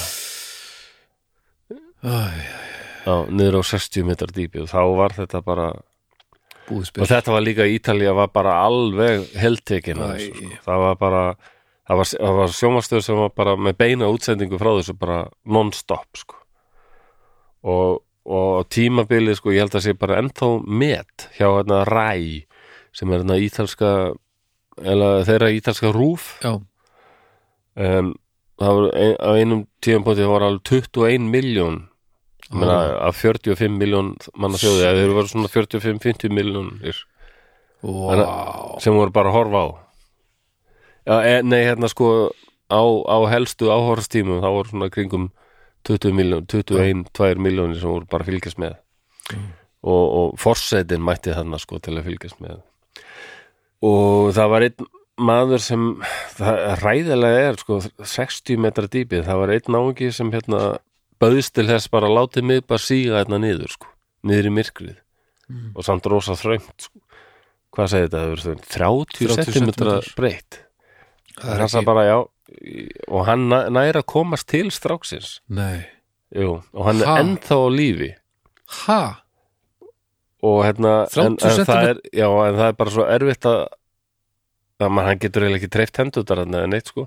Og hann er eitthvað að reyna að setja svona festingar Já, utanum hann. Og hérna það, hann gata ekki. Oh, hann, það var ekki hægt. Anskotin og hann hérna slasaðist varanlega við þetta þessi, þessi gaur þessi sjálfbóðlið sem heit Angelo. Okay. af því að hann var með höfuðu svona já, niðri sko alveg í heilan klukkutíma eitthvað að bisa við sko. Og þannig að fekk eitthvað inn úr til splæðingar og bara varanlega skattaði sko eftir þetta. En það er einmitt þarna, það er einhver, bara kemur einhver maður sem bara leggur sjálfa sig í lífsættu það er eitthvað fallegt við þetta samt. Já, við mannkinu með eigum það við reynum að hjálpa hvort öðru sko. það er eitthvað Eh, stert í okkur. stundum já, er það ekki yfirleitt bara? Nei, stundum. Er jú á það? persónulega leveli en ekki þegar málin verða nógu stór þá, Nei, ég hef aldrei lent ykkur alveg slísi Sjáðu því þetta En ó, nema ég var að hjóla eitthvað tíma í Danmörku og hérna anstæð því sem mamma hélt hún hélt alltaf að vera alltaf 25 gráður í Danmörku. Mm. alltaf ég ringdi hérna bara um hávetur er ekki rosalega heitt hjá okkur? Já. bara, bara danski veturinn er miklu verið heldur svo svo íslenski. Já, ef ég er hjóla vetur sko, Kaupanhöfn, hún er grá og ofsalega ömulega á veturna. Og kemur rosa vindkvið og bara feiki mér út á götu. Já, og, og hjólið bara, og ég hendist bara á hjólinu og ég er með eitthvað bakpoka og það fer allt út um allt og eitthvað blöð sem fjúka og ég bara lendi bara fyrir fram eitthvað strætisvætn og ég held ég væri bara að deyja sem, sem ok. nöðhemlar sko. Já, það er rosalega skelfilegt dæmi. Ok. Strætisvætni nöðhemlar og, og bara bílstjórinn hendist út sko og einhverju farþegar líka mm. og, og fólk sem var hann á gangstíðinni Mm hendist til og ég bara áður ég vissi af að búið að reysa mig við og það var bara einhver átta mann sem heldur bara já, á mig og einhver maður sem náði í hjólið já, og einn sem kom með bakpokan og að ein var einhver stelpaðna sem hafði náða, náði einhverjum blöðum. Það var ekkert merkileg blöð sem ég var með þarna. Textablöður eða eitthvað. Vá.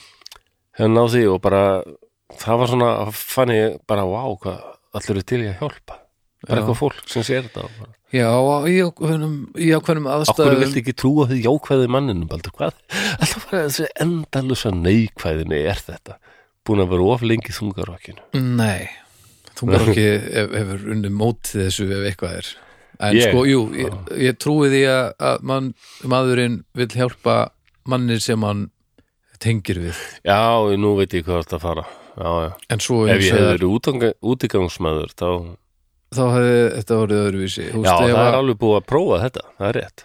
Og ef þú, ef þú, ef þú hefur með öðruvísi húð eða á öðrum stað bara með, með þína húð eh, ákveðin lönd og svo náttúrulega er ofaslega stert í manninum að að fordæma eh, slæmar aðgerðir annars fólks skakvart einhverjum hópi og, já, og gera svo ekkert meira. Þetta, átt, Já, þetta á, á nú ekki að gera og svo bara heldur jú, jú, það er alveg mikið til þessu. Sko. og það er til dæmis búin að gera tilraun man ekki hvort að við verið með þess að í Danmörku. Mm. Einhver svona mannfæring nemi eitthvað svona, hann prófaði að vera bara glætur eins útigangsmaður og let spreja yfir sig ykkur ógislir lykt. Mm. þannig að hann var bara mjög og, og hann lék það eftir bara að láta sér detta já, í jörðina bara og gangstett bara. já, og það var alveg mældur tíminn þangað til að koma einhver og, og það var svo ótrúlega munur. Já, svo gerði hann þetta sama en það var í jakkafötum vel klætur og svona og já. var ótrúlega ólíkur.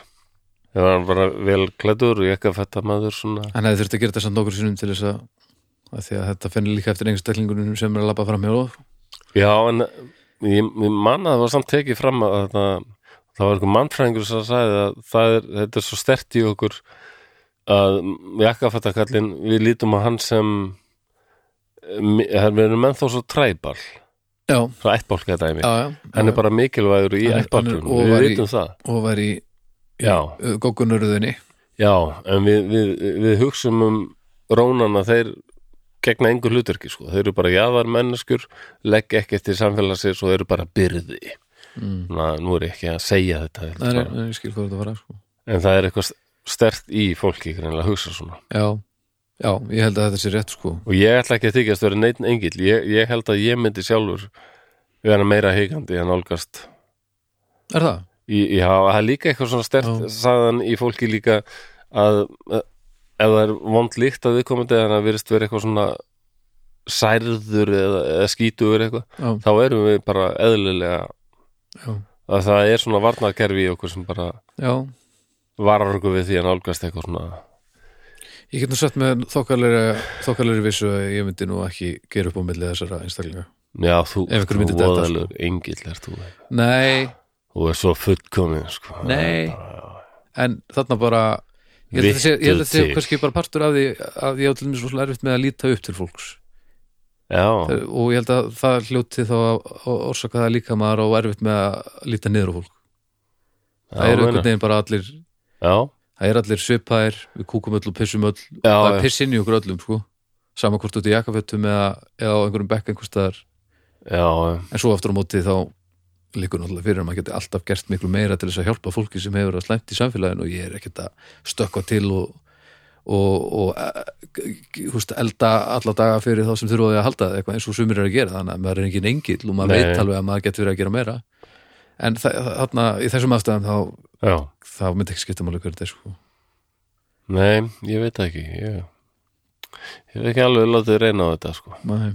Heru, hvar, var, já, hvar voru við Snúm okkur aftur að börnum í hellu Uh, hann var, já, förum nú aftur yfir í Já, já, hérna. máli, máli Hann var sagt Já, hann er þessi ítaliðan Alfredo Rampi um, Já, það var þessi sjálfskoðaliði sem, sem kemst á- að honum já, og hann, hann ásá örð með nær ekki bindan Nei, er hann, hann hamast við alveg í sko 45 mínútur klukkutíma.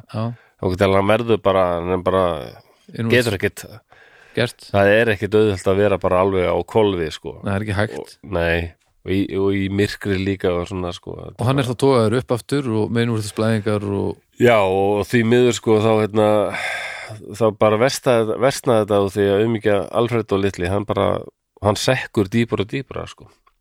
Okay.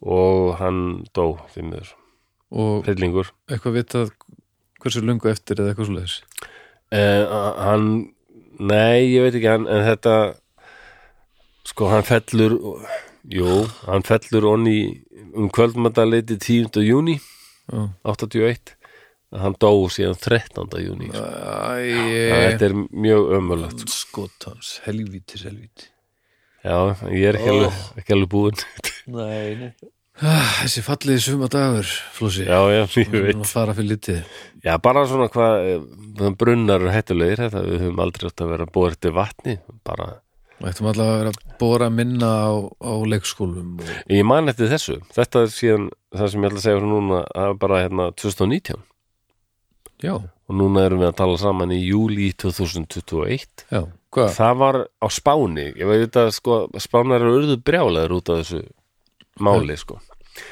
Tveggjára spænskur strákur já, hann fellur niður í ég man eftir þessu. Já, ekki, Jú. hann fellur niður í sko mjög grunn, grunna borhólu já, sem var búið að fel ólögleg. Já, sem var, sem var átti að vera búið að loka almennilega. Já, já, 110 metra djúp sko. 25 cm breytt og það átti að vera alveg búið að loka niður það var bara búið að setja eitthvað svona drasl yfir hana sko. Já, og hérna það var, og það, það var líka eh, bara fylgst með þessu sko ekki bara Spáni heldur bara allstæðir í Evrópu sko. Já, já, út um allt bara. En tveggja ára gamall er aldrei hræðilegt sko. Í- þetta er, e, nálaðt Malaga og hann fellur þetta niður um, hann fjall sko alveg já, ég ætti að tala um hérna e, Hallgrímskirkja svona 74 metrar sko. Mm, um, fyrst sko þá heyrist í honum. Pappans heyrir í honum sko. Ok. Og hérna sem þýðir að hann er kannski dottið niður á, ég veit ekki, 20 metrar dýpi kannski eitthvað. Mm, og festst þar. En svo hérna kem, ha, sko pappans reyndi fyrst eitthvað að fara að grafa og, og vesinast sko. Já, og þá er talið að hafi kannski gest eitthvað að hann hafi fallið já, lengra sko. Já, já. Hann fjall sem sagt 71 metra Nei, var þetta svona helvíti langt? Og að gera krupningu og það er kannski eiginlega bara betra að það krupning leindi í ljós að hann fekk það miklu höfuð áurka hann hefur eiginlega dáið samstundis bara við fallið. Við fallið, já, en samt alveg hræðilegt sko. næstan ekki fyrst sko. Hvernig næstan upp? Af því að það heyrist grátur í honum fyrst þannig að pappin, pappin fær semst að lifa með því að ef hann hefði kallað til fólk strax já, það er svona en þetta, það er svo sem alveg gest, geta gerst sko, en það var alveg byrjað að- að bóra reyndar hann það geti, það, það var alveg mættar 300 manneskjör þarna, með sko bóra og þannig að fóru allir á fullt sko. Mm. en hann var mjög djúfniðri og þetta, þetta var alveg vonlust en þá ætlaði að tala um Ísland. Það er ekki brunnar hér en við erum sannarlega með alveg hættuleg fyrirbriði hérna um, Gjótunar já og líka þessar stóru hvítu skellur hérna á landakvartinu um, Jökladir uh, þegar leiði hérna, leiði með hérna kunningin mínum þýskum.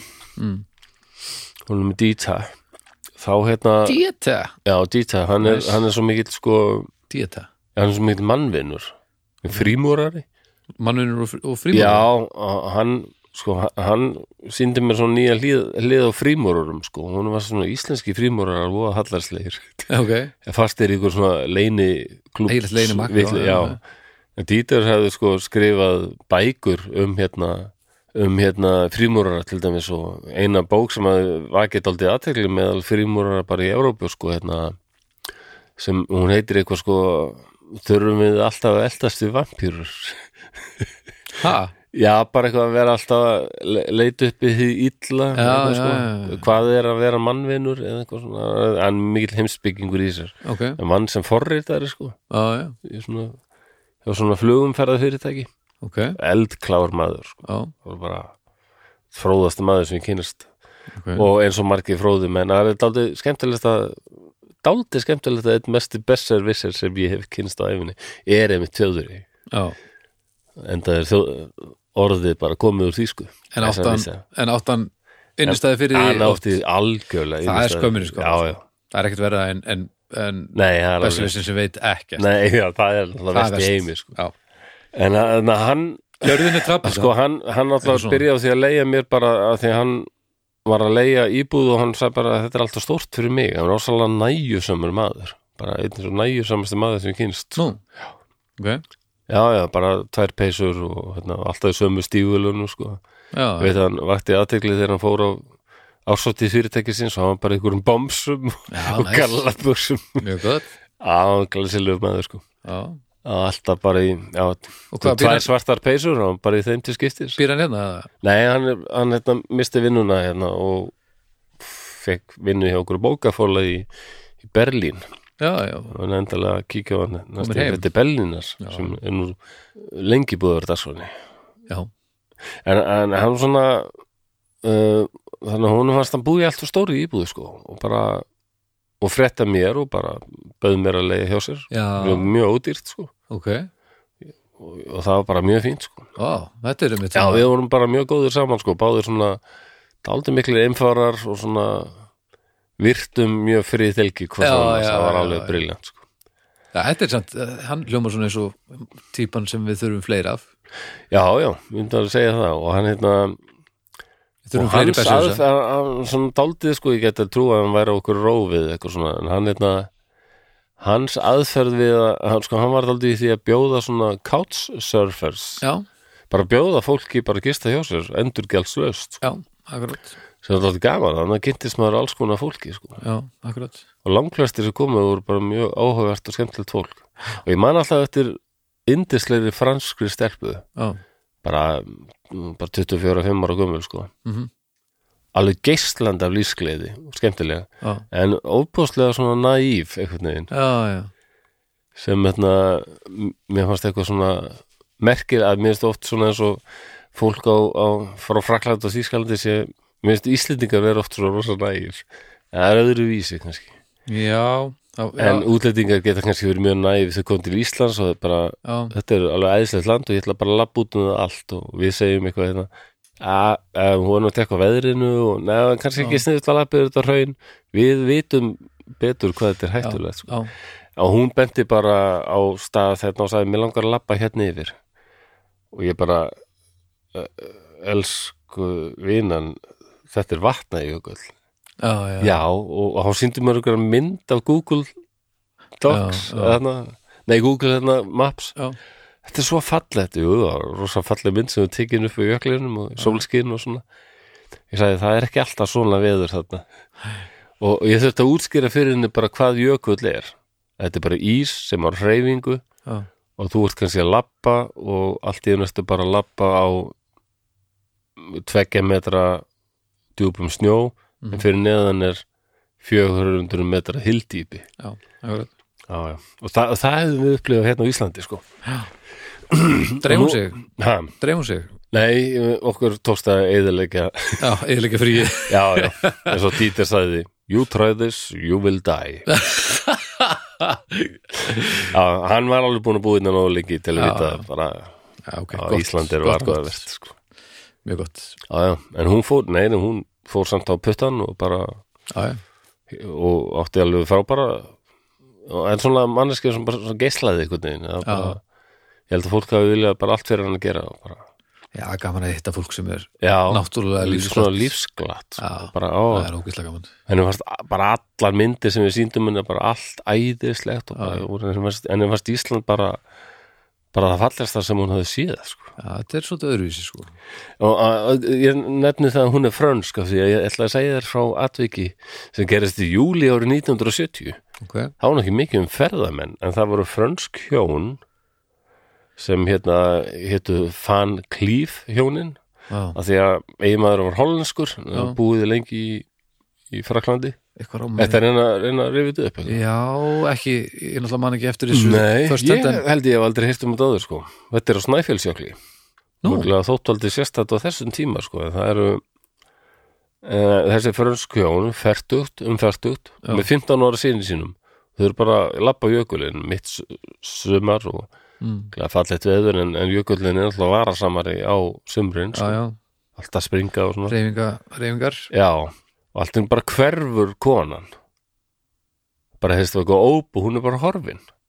Og feðgarnir hlaupa til og, og þá horfaði bara hún í sprungur sem er bara og þeir sjá henni ekki sko. Þeir í henni. Og hún er bara, eitthvað, bara djúft þannig honi í bara einhverjum gini jökulsins. Ok, bara eiginlega bara alveg upp á toppnum sko. Shit.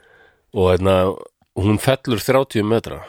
30 já, en sprunga var miklu, miklu dýpri. Já, hún var mjög heppin því hún lendir á sillu sem er svona cirka 3 metra löng Mm. og 1 metri á breytt en ekkert svona slétt sko. Nei. þú þurft að passa sig virkilega. Halda sér. Já, já, þannig að hún var alveg reyningalös marga klukkustundi bara, já, já, bara hrættum að renna bara nið, niður mörg hundur metra bara onni í jökulinn sko. mm. Þetta jöklar ég, já, er þeim er samum okkur. Það er engin gemsar eða neitt. Nei. 1970 það er bara strákurinn bara það er ákveðið bara þú hleypur bara á næsta bæ þú er bara náðu hjálp. Já, bara farðu niður og hann byrjaði bara að hlaupa niður jökulinn. Mm Mhm. uh, Snæfellsjökull er hvað? Hann er, hann er stór sko. Ég held að það sé alveg 1600 metrar eitthvað svolítið hvert er hann að hlaupa? Niður að, ég man ekki alveg hvað bærin hétt sem að fór, ég minna að heitið fellið eitthvað svolítið bærin sem að fett til. Hjá stappa er það hjá en Arnarstappa það, hann er sko það tekur hann alveg nokkra já, þetta er nálega stapa sko. Já, hann kemur okkur annan bæ samt fyrst. Ok, um, og hann byrjar að hlaupa sko það tekur hann alveg tíma að komast niður og vita Já, hann já. að fara og hann er alltaf í bara algjöru sjokki og Já, strá greiði sko. Já, og hann er marga, marga klukkustundir að koma að einhvern bæ. Já, og þau voru einhvern kvöldumatileitið lendaði í þessu. Mm, og það er bara seint um kvöld sem hann kemur að bæ Já. og reyðis bara inn. Já, og bara einhver bóndahjón þar og hann eitthvað og þau bara eitthvað að reyna að tala við hann sko og fatta þá að hann talar ekkert tungumál nema já. sem þau skildu ekkert í. Þau skildu ekkert hvað hann var að segja. Oh, en, en þau skildu að það var eitthvað mikið að. Já, Já, það fór ekki millam og svona föttu það er eitthvað með jökulinn. Eitthvað hræðilegt við gerst en Já. það bara, hvað við hann gera? Menna, við vissum hvað tungumálum var að tala. Já, þau eitthvað, hvað, talar eitthvað í sveitinni hérna frönsku, talar ekki frönsku. Þá myndu allt í hennu herðu jú hann Gunnar Dahl rithöfundur og heimsbyggingur já, sem var svona, já, stúdera gríska heimsbyggi og svona mentaður maður. Já, hann kom ofta á stapa og dvaldi þar ok. Og mann bóndin eftir, ég held að Gunnar sé á stapa núna. Það er bara landsíma lína og Gunnar. Talað þú ekki fransku? Jú, jú, jú. Og Gunnar kemur bara hendist út í landróðurinn og brunar og bóndabæðin og þýðir og segir hvað er gerast og þá bara þarna held ég Íslendingar sitt aldrei góður sko. bara hóa bara í björgunarleðungur strax. Já, og bara ekki björgunarsveitin sko, heldur bara bara þeir sem eru sveitungar sko. já, Já, já, já. það er bara reypi og krókar og dót og svona já, já. fólk hafa upplegað þetta áður sko það, það, þeir, og þeir kom ekki hérna upp á jökulinn til hennar fyrir hún, hún er búin að vera til sex klukkustundur og maðurinn búin að býða hana hjá henni allan tíman sko. en gott tokkulegt veður á þeim og svona það honum. allt í lagi veður en það er alveg orðið það sko. er það er alveg orðið dimmt já, og þeir sjá hann ekkit og, og það er bara eitt bóndi þarna, fertugu bóndi, hann, hann sígur bara neyður Já. og, og tekst á undan um að finna hann og koma á henni svona binda um hann eitthvað Mhm. reypi og hérna, hún er hýfð upp Já. og, en hann, hann sagði setna að þetta hefði verið hún hefði verið ljón heppin sko því að uh, honum fannst þetta mjög óhutnalegt sagði hann sko þannig að hún lifir þetta af. Já, já, hún lifði Já. það, hún var hann rosalega köld sko, það var bara stutt í það hún var að fara ofkælast, já. sko. það mátti ekki setna vera sko, Vá. og bara hún gæti ekkert notað hendurna með sér sko, hann var það bara, bara já, já, binda hana bara alveg. Hún, hún vel gert, gæti ekki treyft sig eða fyrir kulda sko. vel gert hún að halda sér á sillunni Já, vel gert sonur að hlaupa alla já. Og ég fréttu alltaf, ég las þetta bara tímarit.is sko, það er sagt að þau þau voru söl sko og hérna, einhvern veginn þau voru alveg viss um það, þau tristu alveg á það að þeim er til bjargað sko. Já, það, já, en það mátti ekki setna vera og hann sagði bóndin að þetta verið mjög það var greinilega alveg mjög djúft og óvinnalegt sko. já, hérna. Já, Þetta þessi jökla fór sko. nú frekkar vel, það var nágætt en það er náttúrulega já, það er rosalegt sem gerist síðan í februar 2006 Hofsjökull. Þá eru tveir menn sem þetta er sprungu, ekki nóg með það heldur þeir eru bara í jeppa að keira á jöklinum fór jeppin já, hann fyrir bara niður í sprungu 30 metra niður sko. shit Já, uh, annar þeirra deyr samstundis Ok. og jeppir náttúrulega bara alveg í klessu sko. og hinn slasast rosalega mikið sko. Úf. þurfti bara að fara á gjörgæslu deild og þarna finnst mér þessi, björg, þessi, þessi björgunarsveitir sko.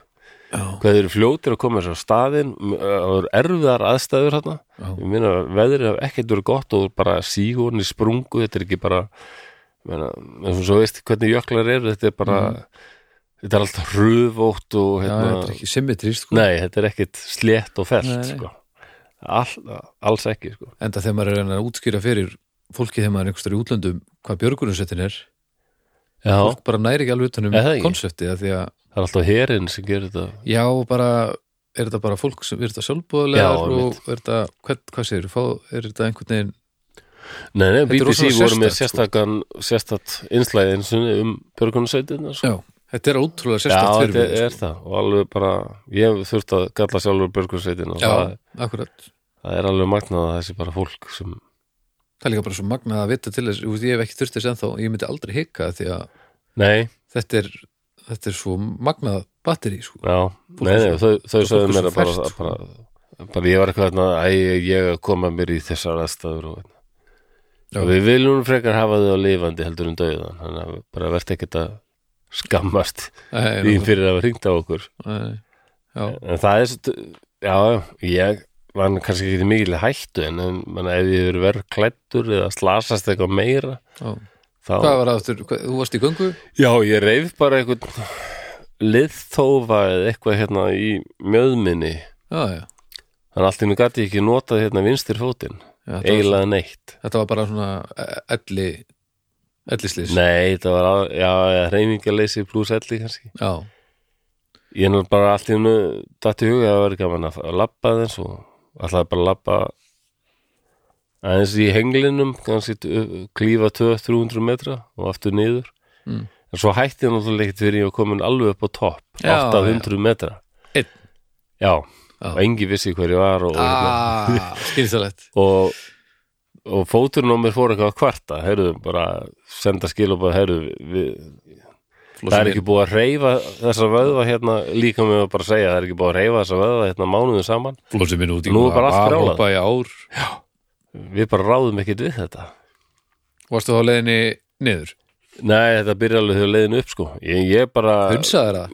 Já, að Gam, mér þú var ert kennt svo gamall, ég er að segja það. Þú ert, mér þú var ert aðeins kennt þeirra að kynslu bara sásauki er eitthvað sem þú bara hunsaða sko.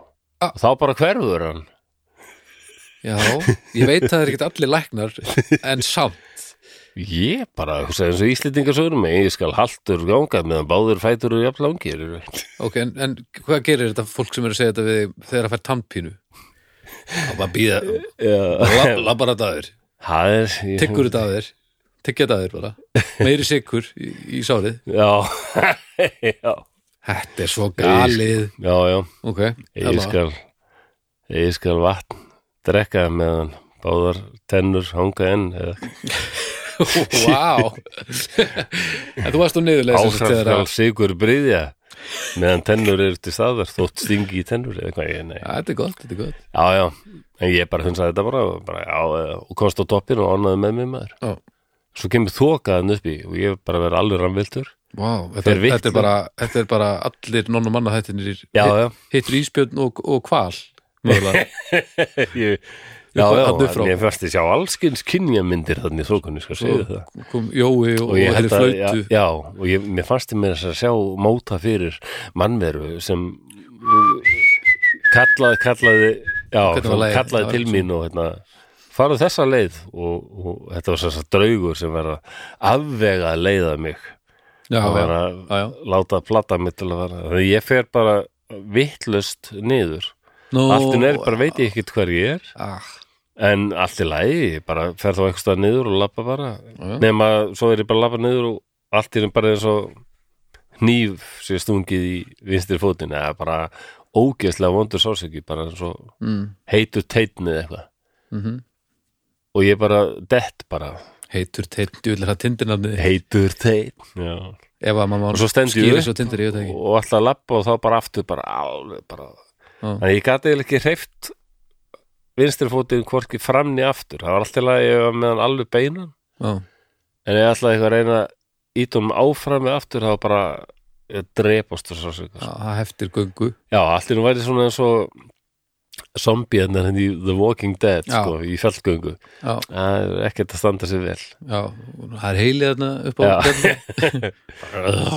og ég var all, ég, ég kem hérna einhvern vittljósum stað niður og nú bara er ég komin að einhverju brekku sem ég þarf að klífa. Ég vissi svona í hvað átt Reykjavík var en ég þurfti að fara hann yfir Já, tókstu bara beina lótlínu bara?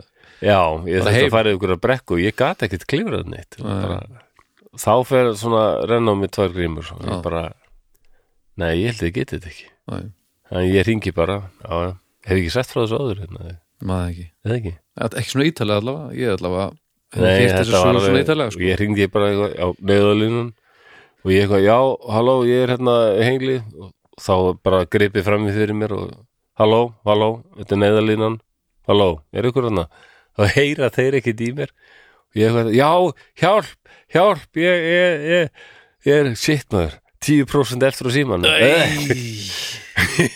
hérna, neðalínan heyri ekkert í mér og það bara rofna sambandið. Og ég áhugsaði mér, nei, ok ég verð sem sagt að sofa hérna einhvers staðar undir það var svona komin úði smá rigning og svona. Já, það er miklu verra að sofa undir úða en súð. Já, ég var svona, ég var bara að finna mér eitthvað svona smá klettaskúta og leggja mig þar bara og vona að einhver finni mig einhver tíma. Ok, en ég ákveð nú, já, það var 8% eftir að símanu eða eitthvað svo leys, þá prófið ég að ringja aftur. Þá náði ég sambandi. Ok. Og, og hann segi bara strax, ég læt bara björgunsveitin að vita sko Já, og ég var alltaf með nóg eftir á símanum að ég var að fá SMS frá þeim sko. við erum bara, við erum búin að miða þig út ertu kyrr þar sem þú ert. Og með, ert- varstu með opið fyrir staðsynninga GPS eða? já, já, Já, og þeir alltaf, já, föttuðu alveg hver ég var. Ok, vertu bara kyrr þar sem þú ert. Og ef þú ert með eitthvað eitthvað litríkan klæðna þeir enda að lifta honum upp. Já, en svo beði ég alveg í það tók það alveg tvo tíma eitthvað að komast til mín. Á tveimur fjór hjólum já. Tveir ungi strákar og hver að gerði Vá, vel gert. Já, þeir, það var bara hægt að komast þetta á fjör hjólum sko. Já, og ég hérna svo auðli bara eitthvað þeir bara stoppið fjör hjólin og bara tóku sér hjálmana og á svona smá þögn og blæsaður í vesinni. Já. Eilið svona töffarar. Glæsilegt. Ég sagði að lögðarskvöld þeir voru örugglega til ég verið að gera eitthvað allt annað en að björga þessu. Já. Ég settist aftan í fjórhjólið og svona. Þetta er samt Ég huggaði mig við það að það er bara tveir björgunarsveitamenn sem ég er búin að plaga hérna með þessari vitlis Já, ég held að maður fái gott En í, annað kom nú í ljós. Hvað séru? Já, en svo keirum við bara alveg tvo tíma eitthvað að hossast á þú fjórhjóli Já, um, og komum loksins að veg. Og, og þar eru sko tveir jeppar. Já. Örgulega svona tíu manns. Já, já. Við ekki ástandið þau Já Það sagði, já, við, já, við erum tólf sem fórum, sagði hann, sko. Já, En allt í allt voru kallaðir út svona 16, 17 já, út af þér. Ég leiði svo algjörum fá þetta. Já, En, en þau, þau voru alveg bara, nei, þú, þú gerðir hárrétt. Þú áttir að ringja, sko. já, já Þetta er líka, ég held að þetta sé bæði gott í hjarta að geta hjálpað einhverjum Léttir ef þú hafi ekki verið verðað komin Já. Að, já, Og hann sagði þetta nákvæmlega. Og sagði, það, það er þetta sem við gerum. Já. Við Fólk- erum fólk hérna til þess að ná í fólki og þeir sem þú, þú, hann sagði, þú lendir í, þetta er slis. Og fólk skráir sig ekki í þetta nema að sé til í að taka þessa slagi sko. Já, já. og svo náttúrulega er örgulega ómyndanlegt að geta gert grínaðir uh, það sem eftir er sérstaklega eftir að úrstórin svona hlaðarpsstjarna Já, og var ég, ég reyndar sko séðu um þetta á Facebook já, og það hreinti mér frá DFF og spurt hvað þetta mætti ekki segja þetta þar Þannig- já. en hins vegar þá og ég kendi þarna eitraðri karlmennsku um sko. sagður nei? Nei, ég kendi eitraðri já, já, karlmennsku um já, þetta já, að þú í harkaði þetta að mér, ég Já. ger það ekkert framar sko. En og þetta, hlusta á líkamann þegar hann að segja bara já, já, senda sorsakóp og það er eitthvað bilað hérna. Já, það er ákveðin vísbending. Já, þetta er bara eins og að keira á bíl og fyrir að heyra eitthvað klang klang, nei, nei, þetta lagast. Já, já, nei, nei, við keirum aðeins býttu, sprungið dekk, nei, nei, við tökum þetta á felgunni hérna inn á Akureyri og Já. þá er þetta glöð betri nýtt bara. Æ, ég er svo mikið fíbl ég er alveg sko. ekki lengur óþægilega stutt síðan og ég hættir í en, en, en ekki lengur mér fannst ég ekkert vera fíbl þegar ég fór hann sko.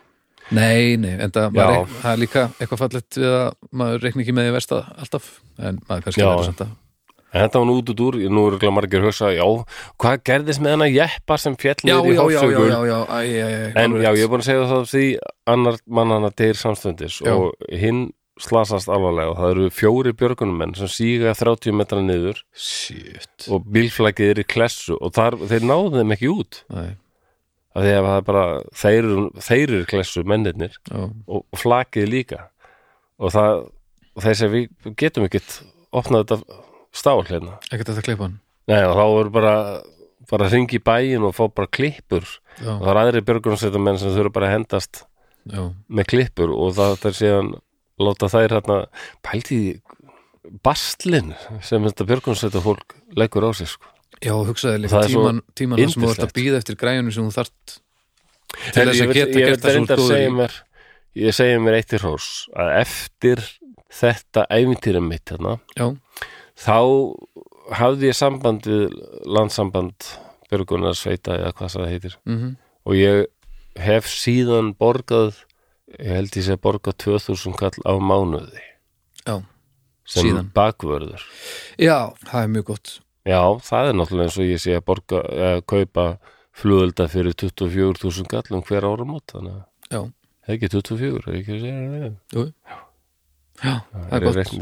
Það er gott ég hef eftir að gera þetta sem er asnalett já, þú getur alveg valið hvað þetta er há upphæði líka. Já, ég þarf að gera þetta af því að það er tímarsmál hvernig ég kemur í ég. Já, ég, ég held ég var líka litla sko ekkert- þegar ég fór í þetta en, og ekki bara tímarsmál það skiptir líka ekki máli hvort að ég kemur í ógöngur eða ekki. Það er alltaf bara að það sé hægt að rekka þetta batteri já, af að þetta er rosalega, rosalega já, þetta er alveg frábært dæmi sko. Já, og eins og þú segir, þetta vekur alveg aðtekli erlendis. Já, þetta er þetta virðist ekki vera svona Nei. kannski einhvers staðar, ég veit það ekki en allavega hvergi sem ég hef komið. Nei, þetta er alveg Jú, jú, en komu klippunar Já, það Já, sem já. ég ætlaði að segja, ég myndi að er byggtíman um, eftir því að, að, að þú ég að veit býða ekki eftir betur græjum en hann hafi nú lifað þetta af sko maðurinn, annar maðurinn hafi lifað þetta af. Liðan af? ég held að, Já, já hann lifið það en 2010 þá gerir það er rosalegt dæmi, ég man vel eftir því að það var svo ofsalega nöturlegt. Það er, hérna, ég held að það hafi verið á það eru maðgin já, á langjökli, minnur að þau hafi verið á hérna, svona snjó hvað heitir þetta aftur? tróðar af einhverjum. Nei, Snjósleða snjósleða mm. og það er að, að sama bara þau steipast niður í jökulsprungu, mjög djúpa sko. Og móðir hún bara deyr samstöðið sko. Æ, en strákurinn hennar sjö ára hann lifir af sko. Ok. En er slasaði sko. Og hann, en hann er sem sagt sko hann, lendir á okkur svona smá 20 cm eða sko sprungan er með breið þar sem þau fara niður en hún mjókkar. Og hann lendir í þarna það sem hún mjókkar sko. Já, ok. Bara 20 cm breiði sko. Hann er fastur þar. Já, sjö ára gamall sko það er alveg rosalegt og þetta að- aðstæður á slistað voru mjög erfiðar. Og þetta er alveg bara þarna finnst með björgunarsveitirnar hafa unnið bara alveg rosalegt þrekvirki sko. og þetta var allt mjög sennlegt en það voru fjóra klukkustundi sem liðu og þeir náðu honum upp. Og þeir vissu það líka að það var bara þetta var í februar Ískalt. ískall vissu bara, við höfum ekkert mikinn tíma sko. og hann var orðin sko afar kaldur og slappur sko og þurfti bara að fara beint í öndunarvél og, og hérna, gjörgæslu sko. En já. En lifir þetta af? frá, já, hún var svo þröng sprungan og það var fyrst einn maður sem var það síga niður einmitt, eins og bara ég var lýsað náðan með hennar ítala. Já, með höfuð undan löð, löð, löðréttur og hann þurfti að snúa höfðinu einhvern veginn svona til hliðar. Já, annars hann tróð sér bara í áttina drengnum sko. Leggur sér í stór hættu. Hann var í talstöðasamband alltaf við vinni sína. Já, og gæti sagt þeim sko að slaka, toga þetta já, já. og hann sést að konan er dáin sko. En, en hún er nær og hún testa að koma böndunum á hana og hífa hann upp. Ok, og síðan er þessi maður bara tekin upp sko. Það er bara eins og það er bara hættulegt að vera í þessari stöðu Já. og lengi sko, eins og þessi ítali sem bara slasaði sig varanlega. Akkurat. Og hann er tekin upp en það eru tveir björgunarsveitamenn sem fara niður til að ná í strákin sko. Og þá var komin hann mjög öflugu ljóskastari sem hjálpaði þeim aðeins en það var bara februar þetta er alveg Já, kolneði mér sko, og það er þarna annar þeirra var semst að fara með höfuðið á undan alveg bara tróða og tróða sér þarna að drengnum og það tókst, tókst eftir nokkra tilrunir hann kemst til hans og næra að koma á hann einhverjum böndum. Mm. þannig að það byrja að tóka í hann sko. Og það tókst, það tókst að björgunum Það er ótrúlega maður. Fjóri tímar sko. Þetta, það, mér finnst þetta eitt mesta þreikvirki sem ég hef heyrt um björgunarsveitir Já, þetta þannig eru þrýr sem leggja sér í stórættu. Já, og þegar hann komin upp þá, er tveir, þá býða þar tveir læknar og Já. bara þyrla. Og náttúrulega fleiri, ætlaði að segja ég meina, Já, já. þetta er ekkit, ekkit grín bara að fara er nefnilega alveg og Ísland er nefnilega stór hættulega sko. sérstaklega að þú ert að fara en er þetta oftast ferðalangar sem eru að lenda í þessum slissum eða er þetta Íslendingar? Nei, þetta er oft Íslendingar líka sko. Já. Þetta voru Íslendingar, Þetta Íslands, Íslendingar Já. sko. Já. Og strákarnir hérna í bílnum minnur örglega að þeir hafa verið Íslendingar líka Já, um, æ, Já, það er úðalegt Þetta er eitthvað svo nötulegt líka maðgin og hérna, hún deyr strax og... já, þetta er líka en það, ég held að það séu margir sem gleyma sér af Íslendingum sko. Já, já, Óli bróði minn lendi þessu. Já, það, Já, það var nú ég held að það hafi nú ekki einu sem komist í blöðin sko, en það, hann bjóð það í Stikisólmi og dóttir hans Guðrún, hún var hvað, bara þryggja Mm. ára eða eitthvað já, og hann, hann hélt á henni, þau voru bara svona frekar nettir í fjallskuðungu sko. en lappið yfir ykkur snjó og það bara gerist að hann lappar bara yfir ykkur sprungu. Sí, og hann, hann datt alveg þrjá, fjóra metra sko.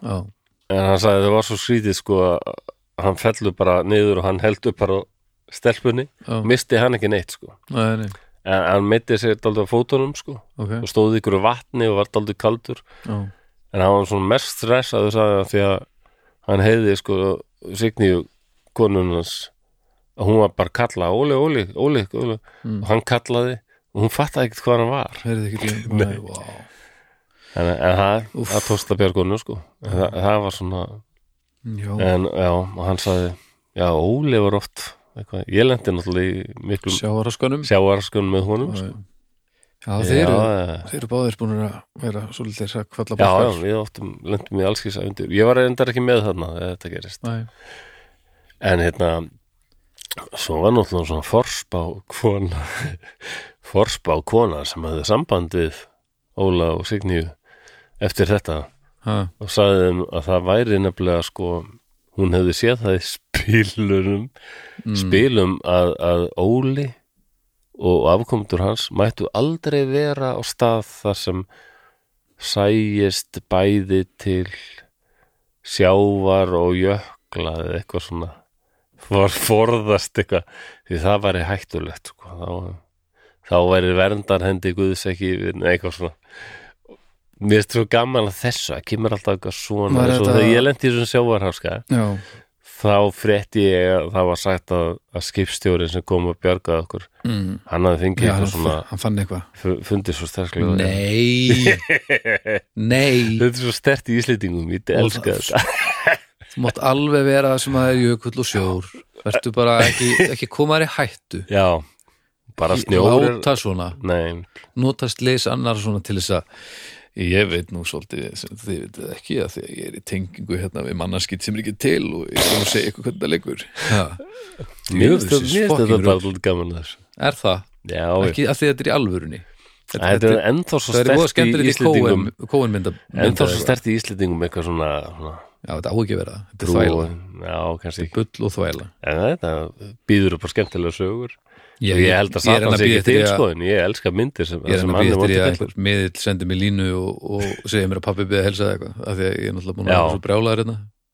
Bara ef það er einhvern miðill hann núti sem er búin að heyra í í Ragnari Lúðvík Þorgum sinni nýlega og með endilega senda mér línu og Já. við skulum eiga mjög áhugavert og skemmtilegt samtal. Jú, það er gaman að miðlum sko. Já, ég veit, En já, ég er búin að bladra bladra þetta er búið. Þetta er búið. Mér langaði bara segja ég fekk svo mikið hláturskast í gæði því ég sá hérna að það var ein kona sem hafði gert okkur þann skemmtilega leik að hérna að gera stafsendingavillu.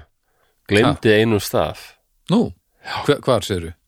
e, bara Facebook. Já, hún var að spyrja bara okkur svona, okkur svona ferðatips eða eitthvað. Já, og, og greinlega móðir og börn. Herðu Ertu ekki búin að sjá myndina sem ég gerði? Ég held ég viti hvort það eða hún var að spyrja hvort að fólk vissi um einhver hérna bannvæn tjálstæði Já, já glemdi já. erinu. Ah, Það er það og er alveg svona sól og, og gleði með svona hei, vitið um einhver góð svona bannvæn tjálstæði Það er mjög gott. Og það var allir eitthvað, já, reynisfjara kannski og þetta, eða bara við hliðin á hrauninu hérna. Já, Ég sá bara þetta hvað er hægt að gera í Vík í Mýrdal skemmtilegt með það átt að vera tvær 13 ára stúlkur.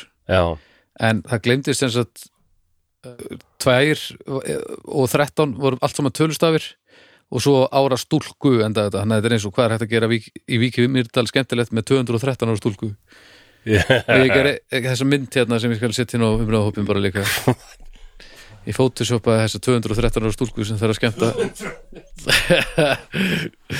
já, ok. Þetta, þetta þetta mig að vera gríðarlega. 12 til 13 ára. Eða tvær 13 ára.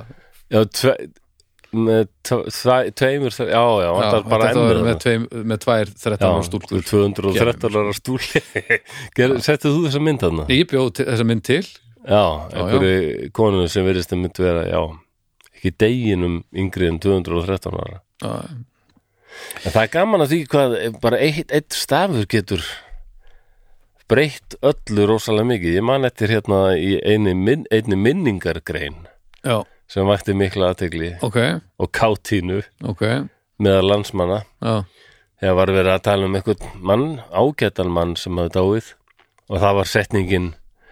Hann giftist eftir lifandi eiginkonu sinni og átu þau tvö börn.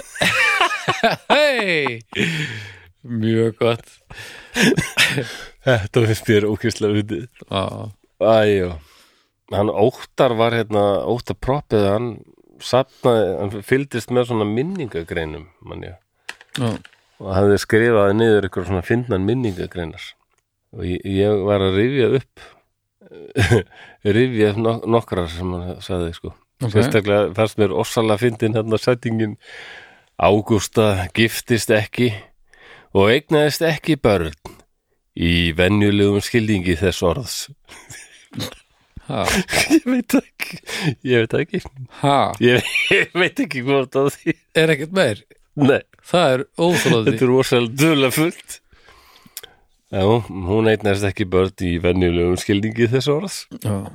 Nefn hún hafi, hvað, tekið ætleitt eða eitthvað, ég veit ekki. Já, ég meina þá ekkert maður börn sem sko. Já, Ó, ég, ég, sína minnir að minnir að þessi setning hérna hafi óttari að hafi haft sérstætt dálæti á henni. Ok, hún er mjög óttarísk líka já, mjög proppísk og það má segja að hún setti ekki svo skál af tvíbökum á borð að ekki stafaði af því mýkt og listfengi. Já. Þetta er ljóðrætt og falleg Já, og, og óskiljanlegt að setja tvíbökur á borð með mýkt og listfengi já, týpukur eru frábært. al, allt annað en það líka. Það er margt gott sko. Já, þú varst að tala um hérna þegar maður skiptur út einum staf og vort Vera var einhvern tímann að hún kefti eitthvað til þess að, sem, e, hvort það var eitthvað kjöt eða eitthvað svona sem átti að elda eitthvað. Já, og átti að standa og, svo, og steikið svo uh, í þrjár mín á sitt hver hlið nema íið varðað á þannig að, að að steikið í þrjá mánuði á hlið. Á er komið matur. Það er já, talandum hysterist láturskast já, já, hún, hún ennþá þegar minnst á þetta þá missur hún var svo, hún var svo djúvel hissa. Já, ég er samfærður um að ég hafa ekkert mann handleikið sko geisladisk um, þetta, ok, þetta er að elsta sem þú sett eða það? Ef, ef, ef það kom punktur þarna. Eh, Nei, nei, þetta er ekki búið. Ok, Ég gott. handleik eh, geisladisk um, með hérna, mjög merkilegum manni, já, söngvara sem er svona, hefur verið svona já, svona að litin alltaf miklu hornauga af sinni eigin þjóð finnst mér, ég veit ekki hvort ég eitthvað nú nafn greina, nei, nei, ok. Sleppa því bara já, já, sveitungi þinn. Ok, en, þetta, en eitt lag á plötunni hétt Landróver maður. Já, en umslæði var hannað í Tekklandi eitthvað staðar. Allavega ykkur landi það sem eð þekkist ekki. Já. Það var bara horfið. Landrófurmöður, landrófur maur næs. Svo var annað lag sem hétt maur eins og ég þetta er bara Já, já. já. Já, já, já, herru, hvað, ef að fara að loka þessu já, bráðum? Já ég, ég hef búin nú ertu bara komin hérna í, í út bara farin að upp fallegar minningar í gamla já, jú, en, en þetta var gott, sko, ég segi það ekki. Ég það ekki? Jú, mjög gott, og takk fyrir ég, hérna, ég, þessar á hörmungar ég lögum að e, e, e, einni minningagreinu já, viðbútt komdu með hérna ég hef alltaf haldið þetta aldrei upp á þessa með Sigriði sko. Ok, Það er svona Sigriður lést þennan dag klukkan fjögur. Sigriður hafði ætlað að eyða deginum í annað. Á, þú segir ekki. já, þetta Já, já, en nú er ég búin. Takk fyrir mig. það er plönin raskast maður Það er eitthvað að tala um uh, hljóðkirkjuna og uh, minna á já, þið getur bara að tekka á hlugkirkju þáttunum takk fyrir hérna, þessar hörmungar Já, sögurflósi þetta var úðalega tílist það það sko. var svakalegt En ég var að eitthvað við já, þú gerir það og bara passa ykkur á brunnum og jöklum. já, við viljum þakka Já. kostunaraðalunum okkar fyrir sem eru Borg Brukus og Bríó og svo pizzan og við minnum enn og aftur á, á afsláttarkóðan sem þið skulle nota inn á pizzan.is eh, þar sem við getið pantað ykkur pizzur af matseðli og sótt þær og þá getið nota kóðan hljóðkirkjan hljótkirkjan Já. til þess að fá 40% afslátt af þeirri böndun. Slepp, sleppa komunni og D í staðin fyrir eð. já, hl- hljótkirkjan og þá eru þið með 40% 40% afslátt. Það er ekki minna, sko. amalegt. Svo viljum við minna á umræðuhópin okkar uh, sem er draugar fortíðar umræðuhópur á Facebook. Þið finnið hann bara með því að leita á honum eða, í, eða hérna í ferslunni. Ef þið hérna fundu þennan þátt finnið hann líka bara í lýsingun á þættinum. Ég skal bara lögma, lögma því það og þar finnið þið líka Patreonið okkar. Ef þið viljið komast í aukaefni nú erum við að fara að henda okkur í að taka auka þáttu mitt. Yes. Og uh, þið getið tekkað því að hvað, hvaða möguleikar eru búið þar ef þið hafið áhuga á því uh, það er að verða mjög fallegt samfélag og vera að hjálpa okkur mjög mikið Já, Eh, það er alveg mjög skemmtileg hópur sko. Já. Svo hérna s- skuluð þið endilega ef þið hafið tök á að fara og, og gefa þetta um stjörnur þannig að við verðum nú sínilegri fyrir þá sem hafa ekki enn heyrt af okkur. Það, hjálpar- kemur alltaf óvart bara í hver einustu viku hversu margir eru að byrja á fyrsta þætti. Já, ok, Þannig að þetta er greinilega, við eigum eitthvað inni, það er mjög gaman. Sko. það er mjög flott að heyra Og svo náttúrulega að láta vini og, og vandamenn og, og, og við talum ekki um, við vitum náttúrulega ekki nákvæmlega hver staðan verður eftir tvær vikur þegar þessi þáttu fyrir lotið. En ég rekna með því að það verði einhver höft og, og eitthvað svona, einhver leiðindi enn í gangi. Og þá Já, er nú ekki amalegt ef þú ert, ef þú ert hérna, ömmu eða afa eða, eða frængu eða frænda Já, eða akkurat, að, að um það. að benda þau kannski á þetta þið haldið þið getið haft gaman að þessu og aðstóða fólk sem að það er margir sem hræðast slaðavarsformi Já. að þið veit ekki hvernig að aðtanna sig. Þið getið eh, lagt lítið til með því að hjálpa fólki að komast að efninu og þá eru við búin að opna risastóran heim af alls konar sögum og, og afþrengar efni og hinn og þessu. Veistu hvernig það er með Spotify? Þar maður nokkuð að vera með premium til að geta Nei, það held ég ekki, spilað þetta eins og, nei, held ekki. Ég veit ekki hvort það sé einhverju auðlýsingar eða eitthvað en mm, nei, valla, ekki. inn í sko. Og svo er náttúrulega alls kynns önnur upp sem hægt er að finna þetta í sko. Já, og iPhone notendur eru bara með Apple Podcasts. Já, automatist í símanum þannig að það eru margar leiðir til þess að nálgast þetta og, og hjálpið nú endilega fólkinu ykkar ef að, ef að fólk veit ekki hvað það á að gera. Að það er fullkomlega eðlilegt að fólk, fólk fæðist ekki með þessa vitnisku það Nei, er alveg á kristaldæru það er háöldruð kona í minni fjölskyldu sem fekk dóttur sína til að aðstofa sig við uppsetningu og hlusta nú alla þætti. Já, frábært. Þannig að það tekur ekki langan tíma. Nei, það tekur nefnilega stuttan tíma og, og þetta er þetta er heimur sem að sumir hreinlega veit ekki af. Já, það er svo margt gott að núti að hlusta á að, að, að það er það er mjög fallegt eða náða að hjálpa einhverjum að, að nálgast þetta. Annars held ég sé hún bara helviti Já, góður. Við tökum, við tökum Patreon lesturum bara næst af því Já, að, já. að, því að hérna, hann náttúrulega hefur ekkert bæst í að því við vorum að taka upp síðasta þátt bara í gær sko. já, þannig að við tökum það í næstu viku. Já, ok. Þangað til þá bara. Bless. Takk